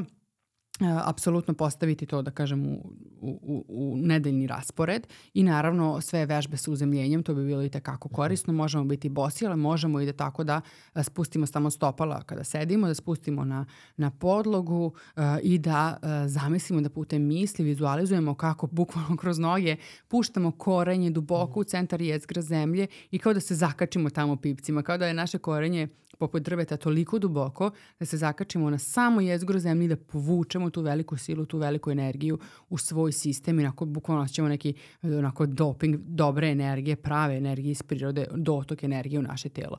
To, je, to su razne vrste uzemljenja. Neko uzemljenje radi i sa kašikom, bukvalno trlja stopala kašikom to kao sa magnetima. Da. da, to zove se spooning. Jako je, mislim, puno, puno načina da se ovaj, uh, uzemljimo i na taj način negde kao te magnete ovaj, na, na svojim stopalima, mm. više ih uh, uh, onako, da postanu onako prijemčivi za, za te energije, magnetne energije u centru jezgra zemlje. Tako da su to super stvari. Za dru, drugu čakru bih definitivno rekla da treba da vežbamo to prepuštanje i lakoću ona može da dolazi stvarno i iz pokreta, tako da svaka vrsta intuitivnog plesa, svaka, uh, svaki pokret uh, može biti prava stvar za, za ovu čakru i definitivno bih rekla da su to uh, stvari koje imaju veze sa uživanjem. Tako da ljudi koji su jako brzi ili velikim poslovima ili velikim problemima zaboravljaju da uživaju u možda nekoj, nekim ukusima, pa sam spomenula i š, ili je to šejk od maline ili neka jagoda. To su znači o, klasično uživanje na dnevnom, kao iskusite maksimalno ovo, o, ovo zemaljsko telo znate koje su čula, to je nešto što je lepo i za oko, nešto lepo za dodir, uh, garderoba koja je fina na dodir, mirisi koji su fini, ovaj, uh, uh, apsolutno sve. Mogu biti samo masaže, mogu biti tretmani, wellness centri, znači nekde gde ćete vi da iskusite u ovom vašem telu lepotu. I šta god da radite samo uh, za drugu čakru, to je hranite lepotu, lepotu postojanja i osjećajte se udobno, udobno, udobno. Pa rad na drugoj čakri nekad može biti i da skinete tesne farmerke i obučete široku šljampavu trenerku. pa neko čak, ako bude još i na cvetiće ili neka super cool boja, odlično. Zato što naprosto samo, eto, sve što radite za drugu čakru neka bude lepota na zemlji. Tako da, eto, tako nekog da je zaokružimo. A treća čakra je, to je već energija lava, energija sunca i ono direktno, znači možemo da se i da se posvetimo tom uh, našem sunčanju i konekciji baš bukvalno sa, sa tom velikom našom zvezdom koja nam daje ogromnu energiju, ali general, generalno vežbamo svoje samopouzdanje, uh, radimo na sebi, to je ono kad smo pričali da treba da spoznamo ko smo u suštini, da možemo glasno to i jasno da kažemo, pa tako i svako zauzimanje za sebe zaista osnažuje tu našu čakru, ali ne ono zauzimanje gde mi samo nešto gračemo i vi glasni smo, nego ti možeš na najtiši mogući način da kažeš uh, svoju istinu ili nešto o sebi, to će biti nekada mnogo e, zvučnije, može da ode i prodre mnogo dublje do čoveka nego bilo kakva drama. Mm. Ako da nećemo biti drama queen, ovaj, nego, nego uvek izaberite ono što je zaista, e, zaista vaš, vaš core, znači neka vaša suština i vrlina. To je ovaj, za, za treću čakru možda bih preporučila i knjigu Marise Peer, uh, Vrhunsko samopouzdanje. Ona je uh, britanski psiholog, čak i hipnoterapeut i fenomenalno priča o samopouzdanju i jako mi se sviđa kako ona radi, tako da eto, to je jedna knjiga za treću čakru. Um, četvrta čakra, srčana čakra, bezuslovna ljubav. I to zaista možemo da, da vežbamo i odnos uh, sa našom majkom ili odnos sa decom, odnos sa partnerom. Uvek u tim odnosima možemo da vežbamo ovu čakru, ali najviše je tu bitna ljubav prema sebi. Znači šta ćemo na tom pitanju da uradimo? Ali kada mi izvežbamo tu bezuslovnu ljubav prema sebi i kada shvatamo da je svaki odnos u našem životu zapravo samo refleksija našeg unutrašnjeg samoodnosa, to je game changer. I to je glavna. Znači da srčanu čakru odnos prema sebi, odnos prema svom unutrašnjem detetu, odnos prema uh, uh, stvarima, prihvatanje, otpuštanje, oprosti. Oprosti. Tačka. Mm -hmm. Oprosti i ti si već odradio puno za svoju srčanu čakru. Tako da definitivno je to to. Uh, uh, mislim, možemo mi to da pričamo i o kristalima i o rozen kvarcu i takvim stvarima, ali to, to je sve super ali ovo su stvarno onako uh, uh, krucijalne stvari. Peta čakra, grlena čakra gde zaista možemo da ispevamo svoju istinu, možemo da je napišemo na papir, možemo da je nosimo na glavi kao perje uh, ili bilo šta slično, ali uh, uh, uh, objaviti se svetu, reći ko si, glasno izgovoriti šta ono što osjećaš, šta ono što misliš, ne ostati nedorečen, e, gutanje knedla i sve tako nešto. Znači to, to je nešto na čemu treba da radimo da bi ova naša čakra profunkcionisala. Bilo bi super intuitivno pevanje, pevušenje, sve gde osjećamo da energija struji, struji kroz naše grlo i gde ono što izlazi je pravo. Nekada to ne mora biti ni reči, nego bukvalno neki slogovi, uh, uh, slova koji izlazi iz te grlne čakre, ali to je totalno dolazi kao u, intuitivno nešto iz, iz nas, iznutra mm -hmm. i nekad to može biti baš super lakovito. Tako da šta god da izlazi iz vaših usta nek bude pravo i originalno i to, to ne bi onda više uh, predstavljao nikakav problem. Gde je šesta čakra jako bitna, kažem, uh, naše snove, naše vizije o sebi, ono šta ti misliš o sebi? Upitnik. Šta ti zaista misliš o sebi? Ne kako se predstavljaš drugima ili kako te drugi vide, nego šta je ono što ti misliš za sebe, koliko ti možeš, koliki je tvoj kapacitet, kako ti sebe, ako si ti činija, koliko si ti činio, koliko, si ti, koliko ti uh, uh, bogatstva možeš u sebe da primi, koliko, ti, koliko si sposoban izobilje da nosiš u svom životu. Jesi ti, uh, uh, jel ti možeš zapravo da handluješ da, ne znam, da si stvarno, da, da si u Bentleyu i da živiš na Beverly Hillsu, mislim, karikiram nije, nije u pitanju samo to nešto materijalno, nego da li ti možeš da napišeš najbolji bestseller na svetu? Ili je to rezervisano za neke ljude koji su rođeni u srećnija vremena, u drugačijim okolnostima, sa drugačijim mhm. roditeljima i koji nisu imali takve i takve iskustva. I naravno za sedmu čakru, eh, ja mislim da je najbolje stvar zaista meditacija i tišina, jer je to ta, ta čakra koja nas otvara zapravo prema višim stanjima svesti, koja nam je uh, koja nam daje totalno jedan novi, uh, novi next level, mislim ono, pomera nam to ovaj, na gore, apsolutno sve neke naše ambicije, uh, čini nas da život posmatramo na drugačiji način, govori nam o jedinstvu, govori nam o velikoj odgovornosti koju svako ima ne samo odgovornost za svoj život, nego se ta odgovornost či, proširuje na apsolutno svakoga, kako da kažem, preuzimanje odgovornosti za stvari koje se dešavaju na svetskom nivou. Kad, to je to stanje svesti. To je najveća za kosmičku svest. Znači, ova čakra se bavi kosmičkom svešću, gde mi postajemo zapravo kosmički čovek i na taj način se ophodimo i prema sebi i prema drugima. Iz stanja jako, kako da kažem, kao, kao da si ogromna jedna persona. A sastavni deo tvog tela su svi ljudi na ovom svetu. Mm, hvala ti. Neću ništa da dodam, zato što mislim da je ovaj... Da, hvala ti, neću ništa dodati. Hvala tebi, Ivane. Kao i uvek je bilo zadovoljstvo ovako, ispričati se tobom ovako kratko jedno, dva sata. da, da, da. Naši razgovori su kratki od dva sata, da, to je, to je jest Ali što je najzanimljivije što ćemo nastaviti da pričamo i posle ovoga o, uz da. o, da. Ovaj, hvala ti stvarno ovaj, što si o, ispričala sve ovo, što si povezala stvari koje na, možda na prvi pogled i deluju nekada nepovezivo, ali opet čim, čim ih izgovoriš i verbalizuješ i na, daš primere, ti si uradila to na jedan spektakularan način i ovaj, toliko sam toga naučio sve vreme dok si pričala uh, i onda si spomenula na trutku, eto, nisi ni pet minuta kasnije, ni pet minuta ispred, nego si tu i sve to me baš podsjetilo stvari koliko je um, ta prisutnost važna i koliko uh, sve ovo čemu si ti pričala zapravo doprinosi tome da budemo prisutni u, u svom životu i jedna, onako, jedan od plemenitih razgovora koje sam, koje sam uvodio do sada. Tako da, mnogo ti hvala. Hvala tebi. Hvala svima koji ste slušali i gledali ovaj podcast. Uh, ostavit ću vas da razmislite o svemu ovome, da razmislite o svom životu, da razmislite o konceptima koje je doktorka Mona podelila danas sa nama i uh, zamolio bih vas da podelite ovaj razgovor. Ja ne, ne pitam to često, možda sam dosta sada u podcastima uradio nekoliko puta, zato što zaista smatram i verujem da će doći do pravih ljudi, ali želim da, da nam pomognete u stvari u ovoj misiji, ovo je zašto smo pokrenuli ovaj podcast i ovakvi razgovori zaista menjaju uh, ceo svet. Tako da hvala vam što ste deo te priče hvala vam što ste slušali, što ste došli do ovog dela i vidimo se sledeći put.